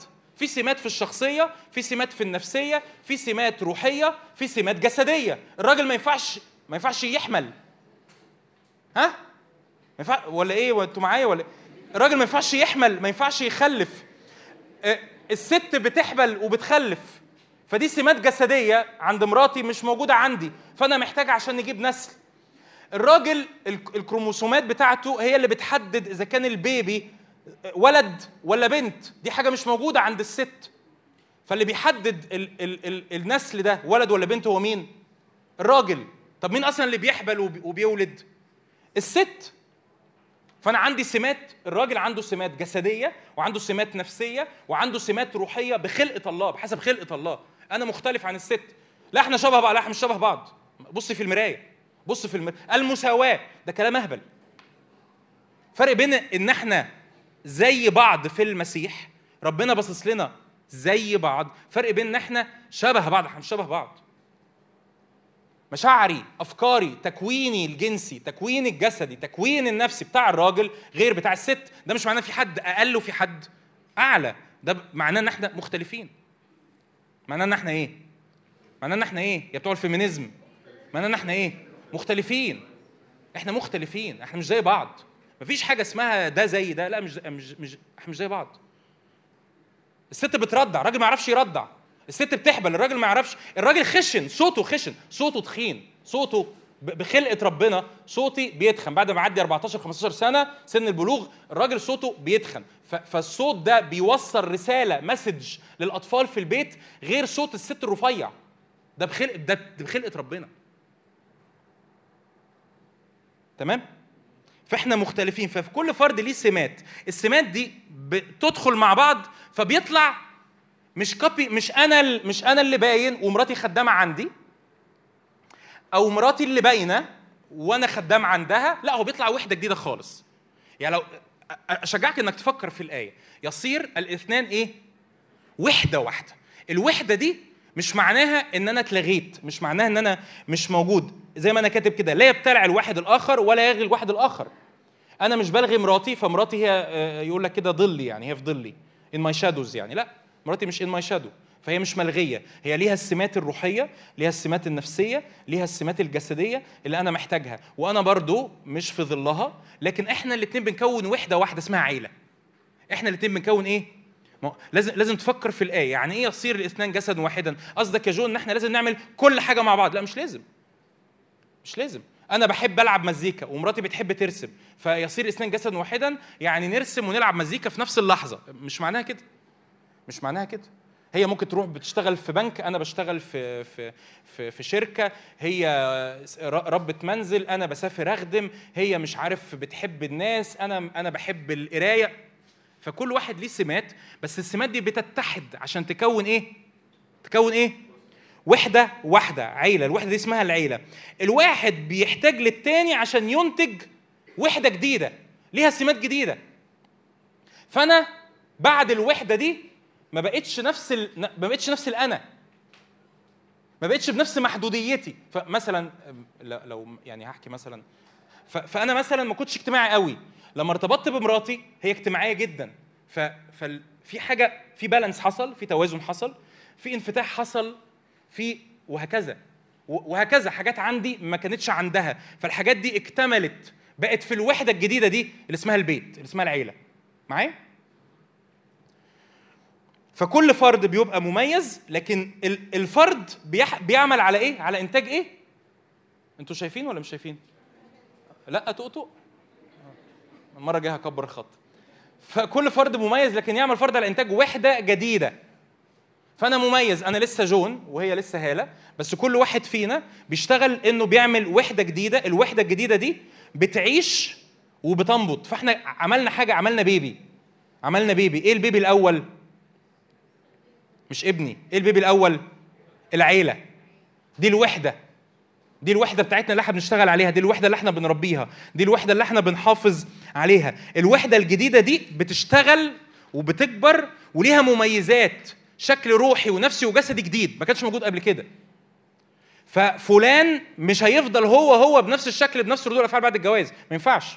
أنا مش بدخل الجواز وأنا بقول أنا أنا أنا كده وهفضل أعمل كده وأنا بفكر كده وفلوسي كذا وفلوسي غير فلوسك ورأيي وشغلي غير شغلك وما تبصيش في موبايلي. مفيش حاجة اسمها كده. مفيش حاجة اسمها كده. يصير الاثنان وحدة إيه؟ ليها هدف إيه؟ ليها رؤية واحدة. ليها هدف روحي وليها هدف نفسي واحد. ليها مسير واحد. سرعتنا بقت واحدة. إحنا الاثنين بقينا حط- محطوطين تحت نير. ما ينفعش واحد يجري واحد عايز يقعد مكانه ما ينفعش. ما ينفع- ما ينفعش واحد- واحدة عايزة تهاجر أمريكا والراجل عايز يقعد في مصر ما ينفعش. إحنا بقينا إيه؟ وحده إيه؟ وحده واحدة. واحد في الاتجاهات الروحية واحد في أهداف الحياة أهداف الحياة الكبرى واحد في الالتصاق كمان الإيه؟ وده دخلني على النقطة اللي بعدها. طب يحصل إيه لو البيت منقسم؟ يحصل إيه؟ إمتى يحصل البيت منقسم؟ طب دلوقتي شايفين ولا مش شايفين؟ الجملة الثانية عندما لا يعمل الطرفين على وحدة هذه الإيه؟ الوحدة الجديدة. لو أنا عايز أبقى نفسي ومراتي عايزة تبقى نفسها وكل واحد مصر إنه يبقى نفسه إحنا بقينا كده بيت إيه؟ بقينا بيت إيه؟ منقسم. بتقول لي إيه ده؟ أنا كنت فاكر إن الجواز كل واحد بيبقى نفسه. أيوه أنت أنت أنت بتبقى نفسك بمميزاتك بسماتك بشخصيتك لكن أنت ما بقتش شغال علشان نفسك. انت ما بقتش عايش علشان نفسك انت بقيت عايش عشان الوحدة الجديدة اللي اسمها إيه؟ العيلة. دي الوحدة الجديدة. أنا ما وإن جاز التعبير وإن جاز التعبير أنا هقول مثل يعني وإن جاز التعبير. اسمي في البطاقة ما بقاش جون مرقص اسمي في البطاقة بقى عيلة. فجون لما بيجي يقرر بسماته وبأفكاره وبشخصيته وبطبيعته هو بيفكر في إيه number 1 بيفكر في إيه؟ في العيلة. لأن دي لأنه لا يصير الاثنان لا يصير بعد اثنين بل إيه؟ بل واحد. يترك الرجل أباه وأمه ويلتصق بإيه؟ امراته فيصير الاثنين إيه؟ واحد. فالمحور بتاع أفكاري بتاع قراراتي بتاع اختياراتي بتاع هخدم فين وهروح فين وهشتغل إيه وهقبض كام هو الوحدة الجديدة اللي اتكونت اللي الرب كونها اللي اسمها الإيه؟ العيلة. فأنا بقتش أنا أنا كده وهفضل كده وهعمل كده وعايش عشان نفسي وعايز عايز زوجة تيجي تساعدني. تغسل لي المواعين. أو أنا بنت وعايزة زوج يجي يصرف عليا. هو يشتغل وأنا هو يصرف عليا فيمتعني بالفلوس وبتاع وأنا طول ال... واتستت وأقعد في البيت وأحط مانيكير وأعمل شعري وأقابل صحباتي في النادي ونو مش هو ده الجواز. الجواز إن في وحدة جديدة اسمها إيه؟ عيلة. إحنا الاثنين بنشتغل عشان مين؟ عشان الوحدة دي اللي اسمها عيلة. فلو الطرفين ما بقوش يشتغلوا على على العلاقة دي على العيلة دي بيبقى بيت منقسم أو وده طبعا اللي ممكن يؤدي لانفصال عدم ثبات عدم استقرار العلاقة دي تبوظ أو يحصل حاجة اسمها استمرار ظاهري وده للأسف حصل كتير قوي يعني إيه استمرار ظاهري؟ يعني من بره كده انت عارف فلان وفلانه دول متجوزين. بس يا ليلك يا سواد ليلك لو دخلت البيت. منظر كده من بره. إن فلان وفلانة إيه؟ متجوزين. لكن هم حقيقة مش متجوزين. هم حقيقة مش متجوزين.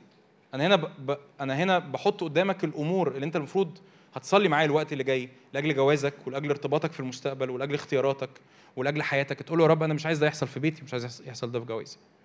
تمام؟ مين اللي بدأ فكرة الجواز؟ السؤال اللي بعده. الله ببساطة مش لازم أقرأ لك كل الايات بس مين اللي ابتدى فكرة الجواز؟ الله. آه، عدد 18 قال الرب الإله هقرأ لك بس أول آية. ليس جيدا أن يكون آدم وحده فأصنع له إيه؟ مين اللي ابتدى فكرة الجواز؟ الله. فالجواز مش مشروع بشري فاشل. أنتوا عارفين إنه في آية في العهد الجديد من غير ما أفتحها لك. في آية في العهد الجديد بتتكلم إنه في الأزمنة الأخيرة يكون أناس مانعين عن الزواج. يعني إيه يعني كل تعليم بتسمعه في الكنيسة أو بتسمع حاجات فيديو في السوش... في videos في ال social media بتقول لك ما تتجوزش بتقول لك اهرب من الجواز اهرب من الخلفة اهرب من الحاجات دي. إحنا ليه نتجوز؟ إحنا ليه نجيب عيال في العالم نبهدلهم؟ كل الأمور دي من الشيطان مش من الرب. كل الأفكار دي اللي حضرتك دلوقتي أنا عارف إن حضرتك دلوقتي متسمم بيها اللي حضرتك دلوقتي متسممة بيها هذه الأفكار من الشيطان. ليه؟ لأن الرب قال ليس جيدا أن يكون آدم وحده. مين اللي خلق الفكرة؟ مين اللي خلق فكرة الجواز؟ مين اللي خلق فكرة الجواز؟ الله. مين اللي خلق فكرة الجواز؟ الله. مش مش إنسان، مش اتنين تلاتة أربعة كانوا قاعدين زهقانين فقالوا طب ما يلا ما يلا نتجوز، لا الله هو اللي خلق الفكرة. ليس جيدا أن يكون آدم وحده فأصنع له معينا نظيره، فالجواز مش مشروع إنساني أو اجتماعي، الزواج مشروع إلهي الله هو خلقه وصاحب فكرته. إيه الهدف من الجواز؟ أنت قلبت أصلا؟ يلا ربنا يسامحك. أول أول هدف أول هدف من الجواز أربع أهداف صغيرين ممكن نحط أهداف تانيين إيه أول هدف من الجواز؟ معونة ليا أنا كفرد واكتمال ليا كفرد علشان أتمم مقاصد الله في حياتي. أنا لوحدي مش مش قادر أكمل لوحدي. بطولي مش قادر اكمل بطولي. في أمور هتحصل في حياتي في أمور هتكتمل في شخصيتي من المحبة. الجواز مش تسديد احتياج جنسي. لا قبل ما تسدد الاحتياج الاحتياج الجنسي انت هتتعلم تغفر وهتتعلم تحب وهتتعلم هتتعلم تخرج بره نفسك وهتتعلم إن طول الوقت في ال back mind بتاعك قصدت أو ما قصدتش انت بتفكر في حد تاني غير نفسك. وبتتعلم إن فلوسي مش بتاعتي ومستقبلي مش بتاعي لوحدي وقراراتي مش بتاعي لوحدي. فبيحصل فيا إيه؟ حاجة اسمها تشكيل. حاجة اسمها إيه؟ تشكيل. فأنا بتشكل أنا بتغير أنا ما ببقاش أنا. عشان التشكيل ده يعمل فيا إيه؟ يطلع مني إنسان أتم مقاصد الله. أعيش ال- الحاجة الصورة اللي ربنا داعيني ليها. تاني هدف من ال- الاتحاد ده الهدف من الجواز اتحاد بين ذكر وأنثى لإعلان شخصية الله كاملة في البيت المسيحي. يعني إيه؟ الكتاب بيقول كده في البدء خلق الله الإنسان ذكرا وإيه؟ الآية بتقول تاني في البدء خلق الله الإيه؟ الإنسان في البدء خلق الله الإيه؟ الإنسان خلقهم إيه؟ ذكر وإيه؟ يعني إيه؟ يعني هو هو إنسان ولا هم اتنين؟ لا هو إنسان. الإنسان ده معبر فيه ذكر وإيه؟ صورته ظاهرة فين؟ في ذكر وإيه؟ لأن مفيش واحد لوحده بيعلن صورة الله الكامله فالذكر أنا بتكلم على ال- يعني ال- السمات الغالبه مش مش أكيد مش كل الناس كده بس بتكلم على السمات الغالبه الذكر يميل للحسم يميل للقوة يميل للشجاعة يميل لل للأخذ المخاطرة. الأنثى تميل للعاطفة تميل للحنية تميل للأمان تميل للاستقرار. طب الله ذكر ولا أنثى؟ ولا ده ولا ده. الله محتاج الاثنين في البيت المسيحي عشان يعلن صورته معايا فالطفل في البيت هيشوف ذكر صوته تخين حاسم آه، شكله بيخوف عنده دقن بتشوك ايده خشنة وكبيرة. وبيحتضن وهيشوف ام حنينة وصوتها رقيق.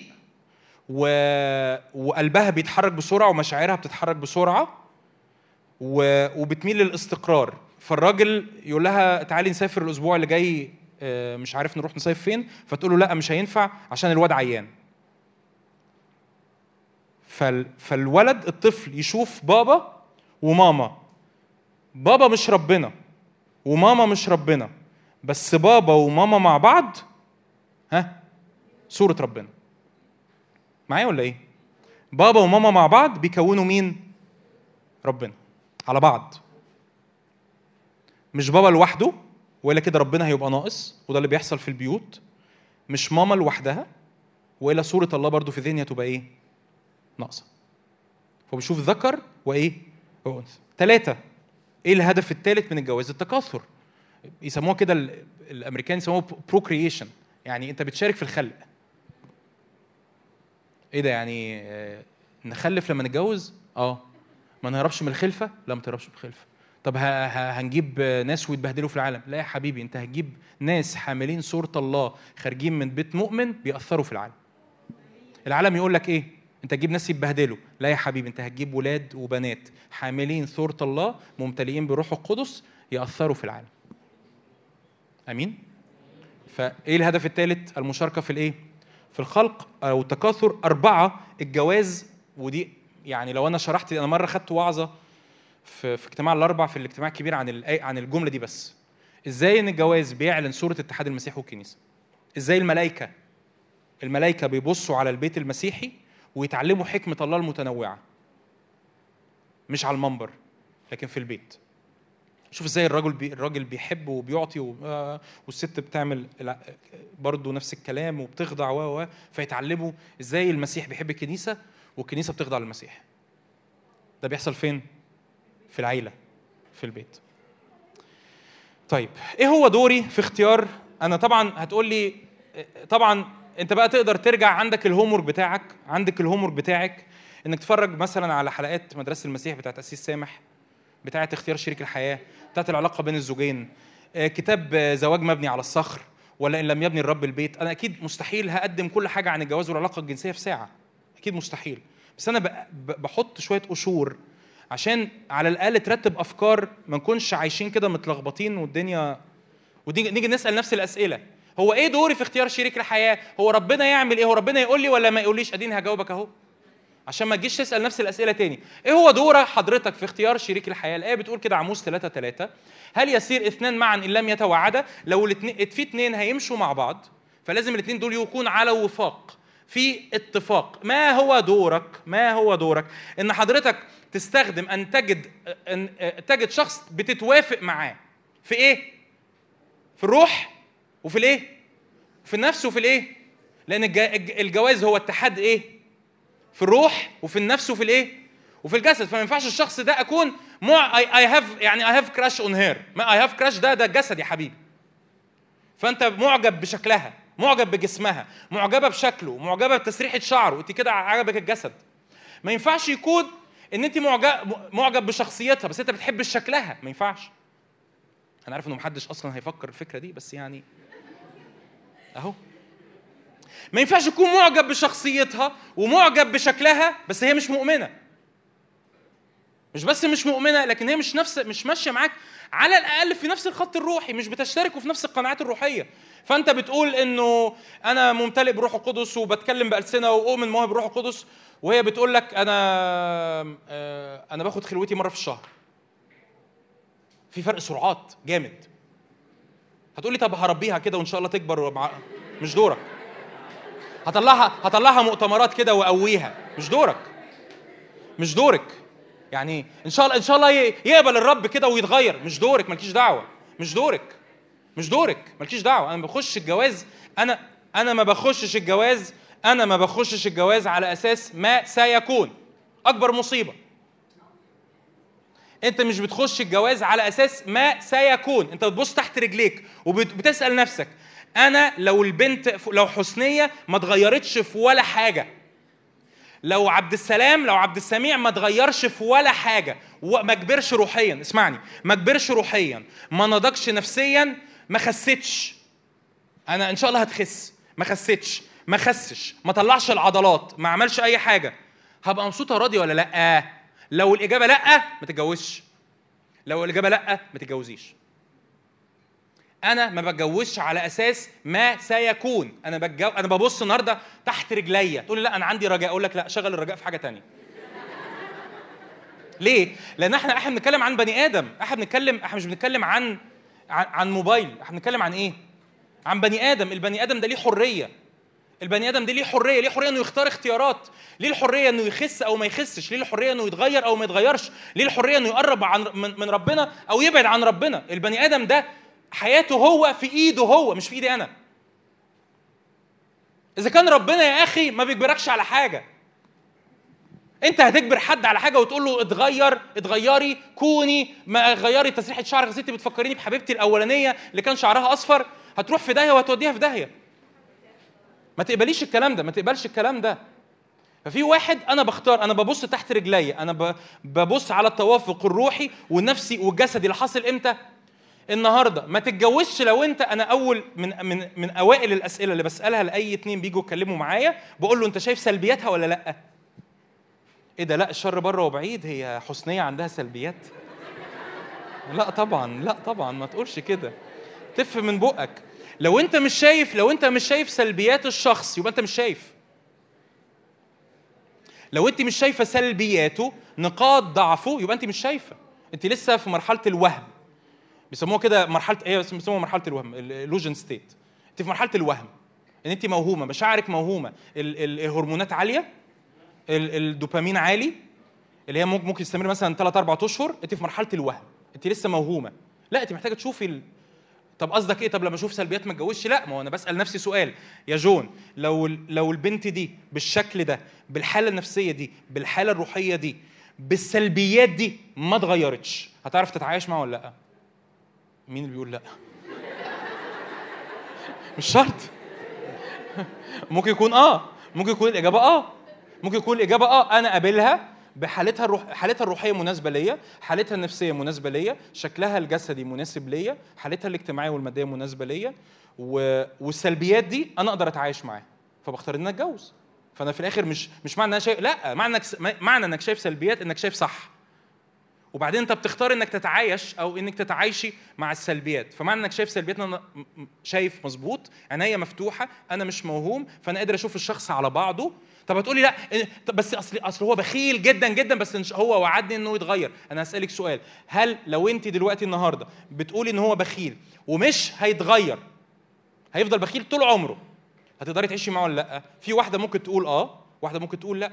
لو أنت ما تقدريش تقبلي إنك تعيشي مع واحد بخيل يبقى ما ينفعش تتجوزي على أساس إنه هيعمل إيه؟ إنه هيتغير. أنا بتجوز فأنت بتقولي أنت معترفة كده في قرارة نفسك تبقي مجنونة يعني بس معلش إن أنا هتجوزه وهو بخيل. ان أنا هتجوزها وهي عصبية وشعنونة وبتزعق. ده قرارك انت حر. بس انت مش موهوم بفكرة انه ان شاء الله إيه؟ ان شاء الله إيه؟ هيتغير. أنا أنا باصص تحت رجلي. فالتوافق ده شكله إيه؟ اول اول نوع من انواع التوافق الروحي. ممكن تقلب يا مستر ستيفن؟ شكرا. روحي. فهو مؤمن بيتبع الرب ونتفق معا على أغلب الأساسيات الروحية. مش أكيد مش مش لازم اللي هو إيه هراجع معاها الكتاب المقدس قبل ما نتجوز. لا لكن آه، لكن آه، لو إحنا بنعبد الرب بطريقة معينة أنا بعب- بعبد الرب هنا زي في الاجتماع هنا ومشتعل وبتنطط في التسبيح وهي تقول لي أنا ما بحب أنا بتكسف أصلي قدام الناس يعني محتاج أقف وقفه آه، اختلاف الطوائف. مش مش مش فكرة مين صح ومين غلط لكن ياما بيعمل مشاكل. ليه؟ لما تكبري يا حبيبي لما تكبري يا ماما هتودي ابنك أنهي مدارس أحد؟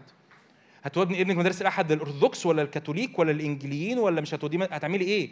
إيه ده هو ده بيفرق؟ ده بيخرب بيوت. أنت فاكر الموضوع مش بهزر. ده بيبوظ بيوت. فاكر الموضوع تافه؟ الموضوع مش تافه. ففي أول أساس هو الأساس الإيه؟ الروحي إن هي مؤمنة في الرب إن إحنا متفقين على الخطوط الروحية العريضة. بنعبد الرب إزاي؟ بنقرأ الكتاب المقدس إزاي؟ بتاخد خلوتها. عايزة تتبع الرب وعايزة تخدم. دعوتنا متشابهة. ال... ال... أهدافنا في الحياة الكبيرة متشابهة. فده يدخلني على التكامل النفسي أو التوافق النفسي. التشابه والتكامل في الشخصية. ففي أمور أنا محتاج مش هقدر أدخل في كل التفاصيل سامحوني. بس في أمور أنا محتاج شخص الشخص ده شبهي وفي أمور تانية محتاج شخص يكملني. لو شبهي هنروح في داهية. ففي أمور محتاج شخص شبهي عشان نقدر نتفاهم بس في حاجات تانية محتاج شخص يكملني فيها. ماديا واجتماعيا. ففي تقارب مادي واجتماعي. خريجين جامعة زي بعض. تمام؟ آه، خريجين دبلومات زي بعض. خريج جامعة وخريج دبلوم ماشي تمشي.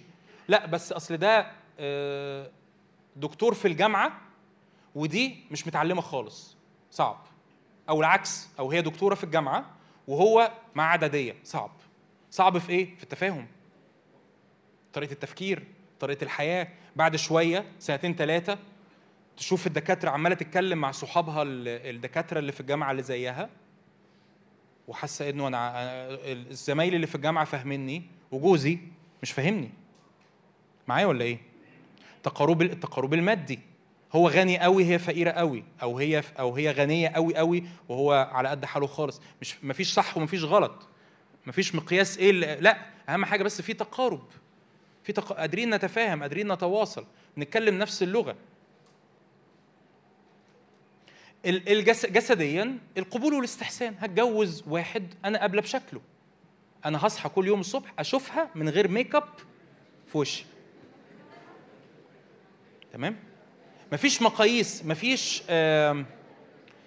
مفيش آه، أقولها إزاي؟ مفيش مقياس لل- لل- للجمال معايا معايا؟ مفيش مقياس للجمال والقبح يعني مفيش بنت تحس إن أنا وحشة. لأن مفيش مقياس واحد مفيش مسطرة بنقيس عليها الجمال والوحاشة. مفيش ولد يحس إن أنا وحش. اوعى تحس بكده. رب أنا بشكلي بجسدي ب- ب- بهيئتي بوزني بطولي بعرضي بكرشي بكل حاجة هلاقي واحدة يعجبها التركيبة دي. وانت هتلاقي واحد يعجبه التركيبة دي. طب انت مش عاجبك التركيبة دي ما تقعدش بقى تقول لها خسي. تقعدش تقول لها اصبغي شعرك. اعملي اعم- اعملي رموشك. ما تخس بقى يا أخي انت هتفضل طول عمرك بكرش كده. لو انت مش قابلاه بكرش ما افتكرش يعني. ما خلاص. ما ما خلاص. هو بكرش. ربنا بقى كرمه. وراح عمل عملية ولا عمل دايت ونزل الجيم وبطل السجاير وشال حديد وبقى إنسان جديد وربنا كرمه هللويا مجدا للرب. ما كرموش وفضل بكرش أنت مستعدة تتجوزيه بكرش ولا لأ؟ ما تقعديش بقى تكدريه ما هو ده اللي بيجيب صغر نفس في الجواز وفي الارتباط. تخش مع واحد عايزك نسخة من من حبيبته اللي فاتت ولا عايزك نسخة من المغنية الفلانية ولا ترتبط مع مع وا- بواحدة عايزاك نسخة من الواد اللي شافته في الساحل السنة اللي فاتت. طب وبعدين تخرج متعور تخرج عندك صغر نفس تخرج متجرح جواك مقارنات طب هو أغنى مني؟ طب فلان أغنى مني؟ فكل ما البنت دي عمالة تعايرك بفلوسك كل ما أنت تشوف واحد أغنى منك شوية وهي بتتكلم معاه تغير منه ده بيحصل ليه؟ عشان أنا بقوله ده. فمن الأول لو القبول حتى على المستوى الجسدي مش مش موجود ما ينفعش نتجوز. تمام؟ أنا بتكلم على القبول مش مستوى بقى اللي واو بتاع القبول. طب إيه هو دور ربنا؟ عشان يا رب يا رب يا رب السؤال ده ما يتسألش تاني. إيه هو دور ربنا بقى في اختيار شريك الحياة؟ أنا اتكلمت عن دوري. دورك إنك بتبحث عن التوافق بالحكمة الطبيعية اللي ربنا مديها لنا التولز الأدوات الكتب ال- الدراسات التعليم وعظة زي كده. شغل مخك يا أخي. روح اسأل حد أكبر منك. اسأل بابا اسأل ماما اسأل حد متجوز تثق فيه. شغل مخك.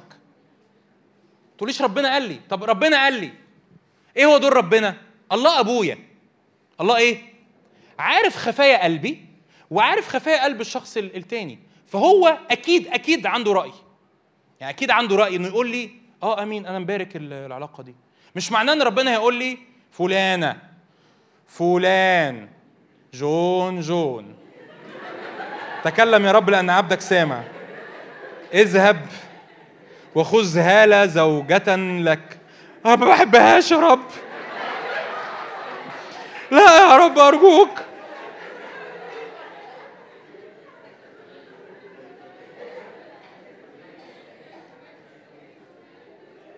وتصحى كل يوم الصبح تقول لي يا ابني هو انت اتجوزت تتجوزني عشان بتحبني؟ ولا انت اتجوزتني مغصوب للاسف للأسف أنا بحكي قصه يعني بحكي حاجات وعارف قصص يعني حاجة جوازات حصلت كده. هو انت مغصوب عليا ولا انت؟ لا ربنا قال لك جوزك. طب بعدين يعني؟ فالله أبويا عارفني وعارف الحاجات اللي أنا ما أعرفهاش عن نفسي. تمام؟ وعارفها ويعرف الحاجات اللي هي مش الحاجات اللي هي مخبياها لا ده يعرف حتى الحاجات اللي هي إيه؟ ما تعرفهاش عن نفسها فأكيد ليه رأي يقول له إيه رأيك يا بابا؟ الجوازه دي تمشي؟ يقول لي آه تمشي أو ما تمشيش. بس هقول لك بقى جملة ال... ال... ممكن السلايد اللي بعدها؟ أيوه. الحكمة الطبيعية بص أنا عايز الجملة دي إيه؟ اكتبها كده اكتبها احف- احفظها صورها احفرها عشان ما تسألنيش السؤال ده أرجوك. الحكمة الطبيعية تؤكد قيادة الله. وقيادة الله تؤكد الحكمة الطبيعية. يعني إيه؟ يعني أنت جيت قلت لي بعد بكرة يا جون ربنا قال لي. أقول لك ماشي يا حبيبي ماشي يا حبيبي ماشي يا بابا ماشي يا بابا ربنا قال لك. okay. تعالى نكتشف بالحكمة الطبيعية إذا كان إذا كان اللي قال لك ده ربنا بجد ولا لأ. لو ربنا يبقى كل حاجة في هذه الجوازة من التوافق الروحي والنفسي والجسدي وال- والمادي وال- والاجتماعي هتؤكد إن ده إيه؟ ربنا. طب لقيت كل حاجة بتقول إنه ما ينفعش بس أنا متمسك إن ربنا قال لي. أقول لك يعني بصراحة ربنا ما قالكش. إيه ده؟ آه. آه، عادي. بتسمع صوت ربنا غلط عادي. ريلاكس فالحكمة تؤكد القيادة. والقيادة تؤكد الإيه؟ انت جيت برضو قلت لي انا إحنا ماشيين مع بعض بقالنا ثلاث شهور عملنا ديتنج اتعرفنا على بعض سمعنا حلقات مدرسة المسيح متعرف على بعض شايفين إن إحنا متفقين روح ونفس وجسد و... تمام. ربنا قال إيه؟ موافق؟ مبارك؟ لما بتصلي بتشعر بسلام بتشعر براحة ولا بتشعر بانزعاج؟ هتقول لا أنا بشعر بانزعاج. أقول لك خلاص ما هو الرب عارف خفايا القلوب اللي أنا وأنت؟ ما نعرفهاش. انت مش معناه ان انت وحش مش معناه ان انت وحشة. معنى كده بس ان. دول ما يركبوش على بعض. فهمنا؟ فهمنا واضحة؟ عشان ما حدش يسأل تاني السؤال ده. ربنا قال لي بعد ماشي يا عم ربنا قال لك. تعمل إيه؟ تعمل إيه؟ امشي الخطوات الطبيعية. توافق روحي توافق نفسي توافق جسدي توافق مادي واجتماعي. لقيت ان الدنيا تمام وعارف تعدي ال- ال- الخلافات وتعدي الأمور السلبية وفي توافق عالي وال- والسلبيات أنت عارف تتعايش معاها آمين يا عم أبصم لك بالعشرة ربنا قال لك ألف مبروك. ما لقيتش الدنيا راكبة ما تقعدش تقول لي ربنا قال لي. ها؟ تمام؟ ما لقيتش الدنيا راكبة ما تقعدش تقول لي إيه؟ لا وما قالكش. مشاعرك بقى روح شرير إبليس بي بيزاولك ماليش دعوة. هي عجباك هي هو شادد دماغك شادد عقلك عمالين تتواصلوا على الفاضي ومليان فتقولي ربنا قال لي آه مش ربنا عادي عادي مش أول ولا آخر واحد تغلط ولا أول ولا آخر مرة تغلط في إنك تسمع صوت ربنا عادي relax ما تكبرش الموضوع لا ربنا ما قالكش ليه؟ مفيش توافق مفيش توافق واحد في يوم من الأيام راح قال لواحدة ربنا قال لك جوزك. قالت له طب ما قالكش أعمل إيه في جوزي؟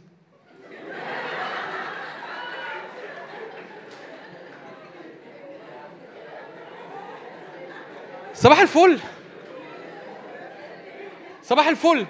لا قائد يقول لك ها؟ اسمعني. لا قائد يقول لك روح اتجوز فلانة. لا خادم يقول لك روح اتجوزي فلان. لا تيجي تقول لي صلي لي أنا عايز أسمع صوت ربنا فلان ولا فلان. ولا هقول لك حاجة. ولا هقول لك حاجة. هو أنا هو أنا أبقى مسؤول إن جوازها تبوظ أنا مسؤول يعني خادم.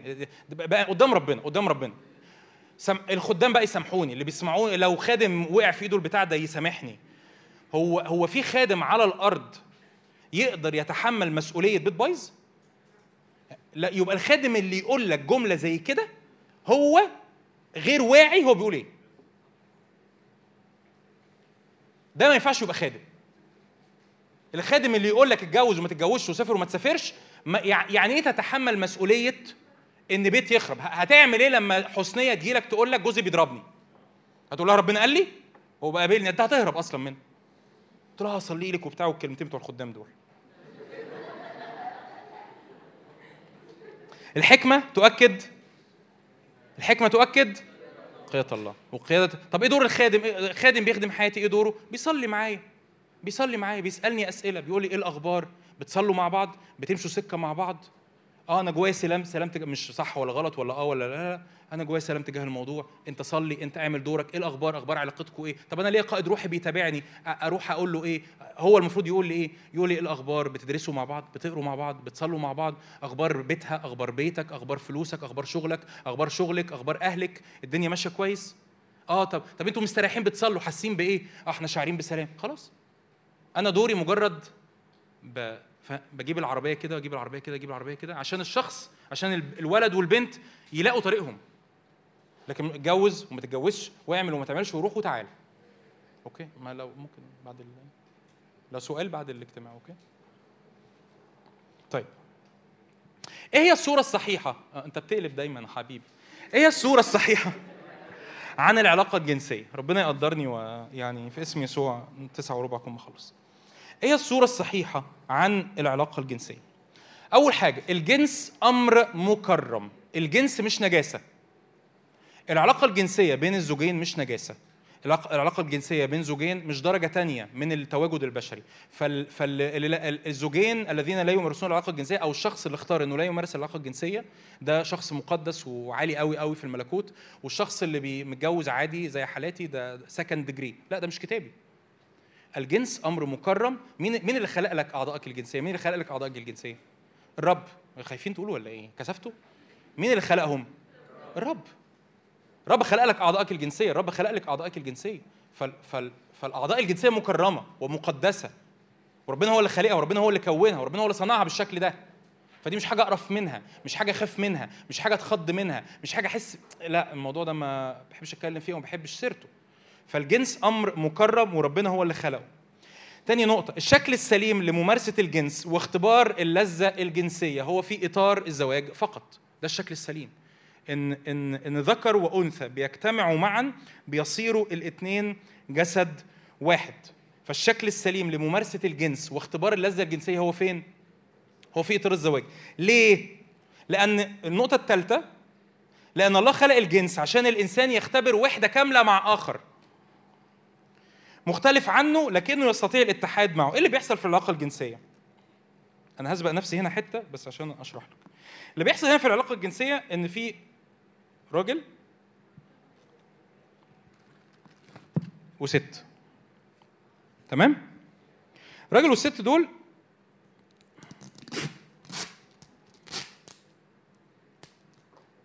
بيتحدوا في الجواز.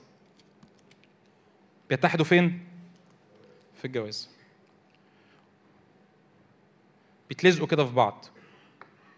بيتلزقوا لزقة جامدة. ها؟ روح ونفسه إيه؟ وجسد. ويصير الاثنان إيه؟ جسدا إيه؟ واحدا. عشان أختبر إيه؟ عشان أختبر هرمونات في العلاقة الجنسية ما بين الزوجين ما بتفرزش إلا في العلاقة الجنسية. عشان أختبر bond جسدي bond physical مادي من خلال الهرمونات ومن خلال العلاقة الجنسية ما بين الزوجين ما بختبروش إلا في العلاقة دي إلا في شكل العلاقة دي. عشان أختبر اتحاد نفسي حتى الهرمون ده بيعمل اتحاد نفسي ما بين الزوجة والزوجة بيعمل اتحاد روحي ما بين الزوجة والزوجة بيحصل في الجواز. فبيحصل إن أنا بتعلم حاجة اسمها الاتحاد بتعلم حاجة اسمها احترام الآخر وإن الآخر ليه شكل وشكل جسمه وشكل نفسيته وشكل مشاعرها. نقطة أنا هسبق نفسي شوية عشان عشان الوقت. أو يعني هي نقط مترابطة. ال- الإباحية ما هياش آم، تجارة. آه، هتفرج على أفلام Avengers Iron Man و... الأفلام دي بتنقل لك إيه عن شكل الحياة الإنسانية الطبيعية؟ ولا حاجة. يعني هل هل في Iron Man؟ اوعى تكون فاكر إن في Iron Man هل في حقنة بتضربها بتبقى هالك؟ هل في سوبرمان؟ هل في باتمان؟ ليه؟ طب هما بي... هما بيعملوا لنا الأفلام دي ليه؟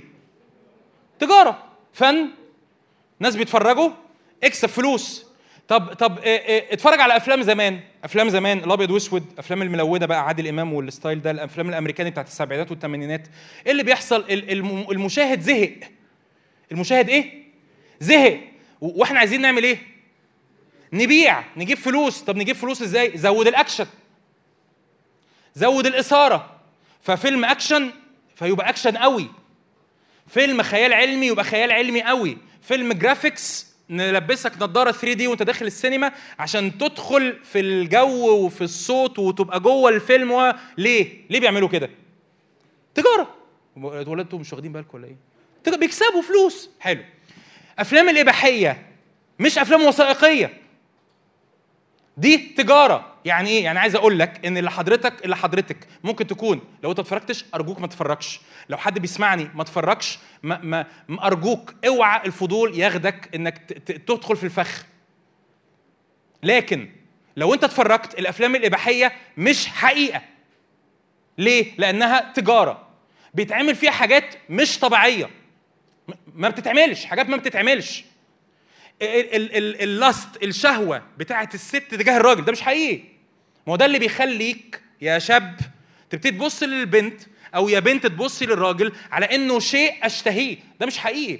الصورة اللي بيتقدم بيها المحتوى الإباحي هو محتوى فني تجاري هدفه الربح. إيه هدفه؟ إن حضرتك تتفرج. فلما تتفرج مين اللي بيكسب فلوس؟ هما المخرج والمنتج والممثل والممثلة. دول ممثلين. حد اتفرج على المصارعة قبل كده؟ طب أحب أحب أصدمك وأقول لك إن المصارعة برضو إيه؟ تمثيل. في ناس مقتنعة إن ممكن تكون ناس اتصدمت دلوقتي بس معلش. المصارعة الحرة تمثيل. ليه؟ ترفيه. حقيقي؟ مش حقيقي. اللي بيحصل حقيقي لا دي حركات متمرنين عليها. طب البورنوجرافي حقيقي؟ ردوا عليا. أبص إيديك مش حقيقي. دي حركات متمرنين عليها. حتى شكل المتعة شكل اللذة شكل الاستمتاع شكل الانبهار ش... الجو كله كذب. الجو كله مش حقيقي. من أول أجسام الناس لحد الاستمتاع والحالة النفسية كل ده مش حقيقي. ده يقول لي إيه؟ ده يقول لي ده ده مش ده مش المكان اللي آخد منه معلومة زي كده. الجنس لما الله صممه رابع نقطة الجنس للعطاء مش للأخذ. يعني إيه؟ يعني الر- الراجل ال ال في العلاقة الجنسية في الجواز هدفه إن الزوجة تستمتع. الكتاب يقول كده. الكتاب يقول ليس لواحد تسلط على جسده بل الآخر. والزوجة هدفها إن الزوج يستمتع. فدي علاقة أنا بأعطي فيها مش باخد. فأنا مش داخل بشهوة. مش داخل بشهوة تجاه زوجتي مش داخل بشهوة تجاه زوجي مش داخل عشان أشبع رغباتي الجنسية. طب ولما لما مراتك ما تكونش تكون تعبانة هتعمل إيه؟ لما مراتك تكون مجهدة هتعمل إيه؟ لما جوزك يكون مجهد هتعملي إيه؟ الجواز باظ. أصل وده اللي بيحصل. أصل أنا مش شبعان في علاقتي الجنسية مع مع هو الجواز علاقة جنسية؟ الجواز مش علاقة جنسية. الجواز اتحاد روحي وإيه؟ ونفسي وجسدي. ال ال ال الاتحاد ده بيصور في العلاقة الجنسية ما بين الزوجين فبيحصل اتحاد التصاق حقيقي يصير الاثنان جسدا واحدا. إيه اللي بيحصل مع الخطايا الجنسية المتكررة خارج الجواز؟ حضرتك الكتاب يقول كده لو قلبنا السلايد اللي بعدها شكرا. من التصق بزانية هو جسد واحد. لزقنا الاتنين ببعض نيجي نفكهم. يحصل مزق. ده اللي بيحصل. طب ألزق. محتاج أقعد أكرر ال- التجربة؟ هو ده اللي هيحصل. طب أخش في علاقة جنسية تانية؟ تفكهم يحصل إيه؟ مزق. الخطية الجنسية مختلفة خالص عن أي خطية تانية وده مش رأي المجتمع ده رأي الكتاب المقدس. الخطية الجنسية مختلفة عن أي نوع خطية تانية الكتاب بيقول كده كل خطية يفعلها الإنسان خارجة عن نفسه. يعني إيه؟ يعني أنت بتشتم شتمت في نفسيتك اتأثرت وجسدك اتأثر بس مفيش حاجة لزقت فيك. لكن من من من يزني يخطئ إلى جسده. الكتاب بيقول كده. يعني إيه؟ أنت بتاخد حاجة بتاخد شخص تاني براك ال- البنت اللي أنت بتلمس جسمها أو الراجل اللي أنت اللي خليتيه يلمس جسمك أو الراجل اللي بتلمسيه أو حصل أي نوع من أنواع الأمور الجنسية بره الجواز وحصل نوع من أنواع الإيه؟ التصاق بس ده مش هتجوزه. ده أنا بنت عندي 17 سنة. وأكيد ممكن يكون مش مؤمن ممكن يكون بعيد عن الرب ممكن أكون في الوقت ده كنت بعيد عن الرب ومش هرتبط بيه. لازم نعمل إيه؟ ننفصل. بعد الانفصال حصل إيه؟ المنظر ده. مزق. مزق في إيه؟ في نفسك وفي جسدك. إيه اللي بيحصل؟ تمزق. بيحصل إيه؟ تمزق. في النفس وفي الجسد. جسدي بيلزق فيه أمور شريرة من عدو الخير. جسدي ما بيبقاش زي ما هو. ما بيبقاش زي ما هو. ليه؟ لأن أنا دقت حاجة بدري عن وقتها ما كنتش المفروض إني أدوقها. نفسيتي ما بتبقاش زي ما هي. ده اللي بيحصل. كرر بقى العملية دي كتير. يعني لو, أنا هاخد المنديل ده وأروح لازقه في منديل تاني وأفك. وأروح لازقه في منديل تاني وأفك. وأروح لازقه في منديل تاني. إيه اللي هيحصل؟ أنا ما بقاش عندي منديل. أنا بقى عندي حاجة عندي فتافيت. صح؟ بقى عندي فتافيت. هو ده اللي بيحصل. لما بندخل في أمور جنسية قبل الجواز. أنا ببقى إيه؟ أنا ببقى إيه؟ فتافيت بعد الشر يعني. أنا ببقى فتافيت. بلتصق وبفك وبلتصق وبفك وبلتصق وبفك وبلتصق وبفك. ربنا قال من البدء خلقهم الله ذكرا وانثى يترك الرجل أباه وأمه ويلتصق راجل واحد مع زوجة واحدة بيلتصقوا مع بعض. تخيل بقى ال- ال- الصورة ال- الإيجابية إنه لو هما الاثنين كانوا واحد فاضلين واحد بيكملوا بعض بيباركوا بعض بيحموا بعض بيحافظوا على بعض بيبنوا ال- الوحدة الجميلة اللي الله خلقها اسمه البيت المسيحي بيعكسوا مع بعض صورة الله. والاستمتاع الاستمتاع أنا من احد قلت كده كذا مرة أنا من أحد البركات اللي ربنا باركني فيها من غير ما أقصد إن أنا عمري ما حبيت حد غير مراتي عمري ما لمست بنت غير مراتي عمري ما دخلت في علاقة غير غير مع مراتي. طب إيه اللي حصل؟ اللي حصل إن أنا داخل مليان مليان طاقة مليان محبة م- ما عنديش خبرات سلبية. أتمنى إنه في جيلنا ده يبقى ده طموحك يبقى ده طموحك. إنه أنا مش هدخل في علاقة إلا مع شخص أكون متأكد إن أنا هتجوزه. إن أنا مش هدخل في علاقة مع بنت سواء علاقة نفسية أو علاقة جسدية. يعني مش بقول علاقة جسدية أنا بتكلم كمان حتى ما ارتبطتش بحد غير. طب لا طب إزاي؟ طب لازم نتعلم ال- الخبرة في الارتباط. ده كذب ده هبل. ده هبل. كون مشفي كون صحيح كون راجل قدام ربنا كوني امرأة صحيحة قدام ربنا وهتلاقي إن أنت مش محتاجة أنت مش محتاجة تعلمي حاجة من حد. بالعكس ده كل ده الخبرات دي كلها تعو... تعوير. آه هتتعلم منها لأن الرب أمين وهيعلمك لكن أنت هتتعور. فاهمين أقصد إيه؟ تقول أصل فلان فلان ارتبط وتعلم من أخطائه. أيوه أنت بتقولها اتعلم من أخطائه. مش اتعلم من حاجة كويسة حصلت. أخطاء كلها أخطاء. احفظ نفسك طاهر احفظ روحك ونفسك وجسدك في علاقات طاهرة في علاقات مستقيمة وسط المجموعة بتتعرف ولاد وبنات وبتخرجوا مع بعض وتفسحوا مع بعض تطلعوا مؤتمرات مع بعض تخرج بعد الاجتماع بتتعشوا مع بعض. في مجتمع نظيف مجتمع نقي اوعى تلوث اوعى تخلي حاجة تلوث العلاقات ما بينكم. ولما يجي الوقت المناسب وتلاقي البنت المناسبة تحس إن في ميل أو في انجذاب أو أنت تحس إن في ولد في ميل أو في انجذاب حطي الموضوع قدام ربنا واسلكي بحكمة اتحركي لحد من القاده اتحركي لحد من الخدام وقول له اعمل إيه؟ لكن احفظ نفسك احفظ حدودك. حدود التواصل حدود الواتساب حدود الصور اللي بتتبعت حدود التشات حدود تواجد مع بعض في اوقات ملهاش اي معنى. لا اصل هو ولد وأنا بنت وهو بيوصلني الساعة 2 الفجر في عربيته. ليه؟ وايه اللي خر... إيه اللي قعدك بره البيت لحد الساعة 2 الفجر لدرجة ان ولد يضطر يوصلك؟ أنا مش مقفل ده اللي بيحصل. طب ونعمل إيه؟ حافظي على نفسك. روحي بدري. روح بقى انت كمان روح بدري. لأن الشباب برضو بيتجربوا. وتقول أنا بتجرب وقعت وسهران لثلاث ما انت سايب نفسك. احفظ نفسك احفظ نفسك في طهارة احفظ نفسك في قداسة. عشان ما ما, ما تجيش كمان خمس سنين وتقول أنا فاكر واعظ وقف في يوم من الأيام على المنبر اجتماع حضرته مرة بالصدفة وأنا حاسس ان أنا بقيت عامل زي المنديل ده. مهلهل ما عندوش طاقة مش قادر يحب مش قادر يدي مش قادر يكرم. ممكن يكون ربنا كرمني أخيرا ولقيت فعلا إنسانة مناسبة بس أنا حاسس إن مش قادر. وده وقت بيبقى اختبار ناس في سنكم. إن أنا أخيرا لقيت ولد مناسب أو أخيرا لقيت بنت مناسبة بس أنا حاسس مش قادر أدي. فأنا بقيت عامل زي الفامباير. داخل العلاقة دي عمالة مص دمها عمالة مص دمها عمالة عمالة أستنزفها نفسيا وجسديا وعمالة أذيها. عمالة أذيه. مش عارفه أنا بعمل كده ليه. بتعملي كده ليه؟ لأنك بقيتي عاملة زي ال- المنديل المتهلهل ده. احفظ نفسك حافظ على نفسك.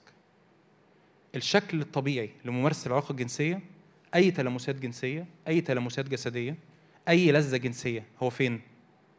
هو فين؟ في الجواز. رائع جميل ممتع ملذ في إطار نقي. أنت شايف إن الله بيشهد على العلاقة دي. أنت مش تخيل بقى أنت مش بتعمل حاجة هربان من ربنا. عرف آدم امرأته؟ ربنا شايفه ولا مش شايف؟ شايفه مبارك هي از blessing. لأنه مش بيعمل حاجة ما هو مستخبي من ربنا. هو بيعمل حاجة تحت عينين ربنا تحت بركة ربنا. آمين؟ خلي بالك إنه إنه إدمان الإباحية إدمان العلاقات الجنسية مش بينتهي بالجواز. خلي بالك إن إدمان الإباحية إدمان العلاقات الجنسية مش حلها مش الجواز. ليه؟ لأن أنت جسمك أنا الموضوع ده بشرحه بالتفصيل في المدرسة بس أنا محتاج أختم. أنت بتتعود على شكل معين من الوهم. الوهم ده مش موجود في الحقيقة. الوهم ده مش موجود في الحقيقة. فمهما الطرف الآخر قدم لك أو قدم لك أنت مش بتشبع. فبتحتاج تمشي سكة حقيقية عميقة للتحرير بالرغم إنك متجوز. وتبقى عايش معذب لأن أنا زوجتي اللي المفروض أكون بكرمها وبحبها أو زوجي المفروض أكون بكرمه وبحبه أنا عارف أنا عايش خدعة ومخبي عنها حاجة أو انت مخبية عنه حاجة. اسمها إن أنا متجوز لكن بتفرج على إباحية. فاحفظ نفسك خلي بالك من نفسك. الجواز أنا هختم كان في كلام تاني بس كفاية. ممكن نجيب آخر سلايد خالص؟ إيه عايز أقراها معاك؟ كتاب بيقول كده آخر واحدة كمان. ليكن الزواج مكرما عند كل واحد. هنشكر إن الرب النهارده على على على مشروع الجواز. نقول يا رب إحنا بنكرم هذا المشروع وعلمنا إزاي نعيشه بشكل مظبوط. ليكن الزواج مكرما عند كل واحد. والمضجع غير إيه؟ غير نجس. سريرك وأفكارك ومشاعرك وعلاقاتك غير نجسة. أما العاهرون والزنا فسيدينهم الله. ببساطة في يوم من الأيام كنت بفكر في الآية دي إنه حتى لو أنا مش عاهر ولا زاني بس أنا مش عايز أكون مشترك مع دول في أي حاجة. مش عايز أكون مشترك مع العاهرون والزناة حتى في طريقة تفكير حتى في نظرة حتى في شهوة. أنا مش عايز أشترك مع المجموعة دي اللي اسمها العاهرون والزناة أنا مش عايز أكون مشترك معاهم في حاجة. لأن العاهرون والزناة اللي هيحصل سيدينهم الإيه؟ الله. الجواز مشروع رائع رائع رائع. في منابر بتقول عكس كده. أنا ما أقدرش أقول أنا ما أقدرش أقول غير إن الجواز مشروع رائع. لما بيتعمل صح لما بيترتب صح لما بيتبني صح إن لم يبني للرب البيت باطل يتعب البناؤون إن لم يحرس الرب المدينة فباطلا يسهر الحارس. لما الرب بيبني البيت لما الرب بيحرس المدينة لما اتنين بيبقوا ماشيين سكة رحلة عميقة من التغيير من النضوج الروحي والنضوج النفسي. بيكملوا بعض بيسندوا بعض بيزقوا بعض لقدام. إحنا باصين على مقاصد الله وباصين على هدف الله. رب كون عيلة رائعة بيت جميل. بيت الجميل ده زي الشجرة الكبيرة اللي اللي, بيجي تحت ظلها آه، طيور السماء. يبقى حاجة رائعة رائعة رائعة رائعة رائعة. للأسف الألم في العلاقات ال- علاقات الجواز حوالينا كتير. في دوائر مسيحية أو غير مسيحية. لكن عايز لازم أأكد إن المشروع ده مين اللي عمله؟ الله. لما بت بتنسجه مع الله بينجح. آمين. لما بتحط الحكمة اللي الرب اداها لنا لما بتحط القيادة الإلهية لما بتحفظ نفسك طاهر روح ونفس وجسد من النهارده العلاقة دي بتبقى ولا أروع ولا أجمل. آمين. تعالوا نقف نصلي مع بعض. ناخد وقت قليل عشان عشان طولنا كمان في في العبادة في الأول. هللويا.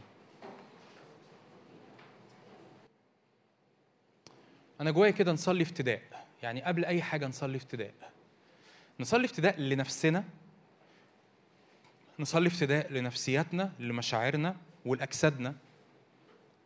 نصلي افتداء للصور الغلط اللي ملت أذهاننا. يمكن ربنا يدينا فرص تاني آه، الوقت اللي جاي نتكلم أكتر عن المواضيع دي وإحنا لسه مكملين في السلسلة بتاعة الموعظة على الجبل. لكن صلي لأجل افتداء. افتدي أفكار يا رب. افتدي نفسيتي افتدي مشاعري افتدي جسدي افتدي علاقاتي. عايزين كمان الرب كان شاغلني نصلي افتداء لبيوتنا لعائلاتنا. يعني انت مش متجوز بس في بابا وماما في البيت. تقولي بابا وماما وضع ما بينهم صعب قوي. صلي افتداء. اعلن كده ببساطة في قلبك غمض عينك وتبتدي تتكلم مع الرب. قول يا رب افتداء. افتدي يا رب. افتدي يا رب بابا وماما. افتدي أخطائهم. افتدي يا رب العلاقة ما بينهم. افتدي يا رب بيتنا. بيتنا يا رب يكون نور ملح بركة مؤثر مليان بحضورك مليان بسلامك مليان بصورة المسيح ومليان بصورة خضوع الكنيسة للرب والرب اللي بيحب الكنيسة. هللويا. صدق معايا في معجزة إنه الحقيقة ما أقدرش في الزمن اللي إحنا فيه ده ما أقدرش أسميها أقل من معجزة. انه إنه نكون منورين طاهرين علاقاتنا نقية وطاهرة ويطلع يطلع مننا من وسطينا كتير ارتباطات ناجحة. آمين؟ يطلع من وسطينا ارتباطات ناجحة كتير. ولاد وبنات مقدسين بيحبوا الرب بيأسسوا بيوت مقدسة وبيأسسوا بيوت على الصخر وبيتبعوا الرب بقلوبهم وبيوت تكون بركة ليهم أولا وللناس اللي حواليهم والمجتمع اللي حواليهم ولخدمتهم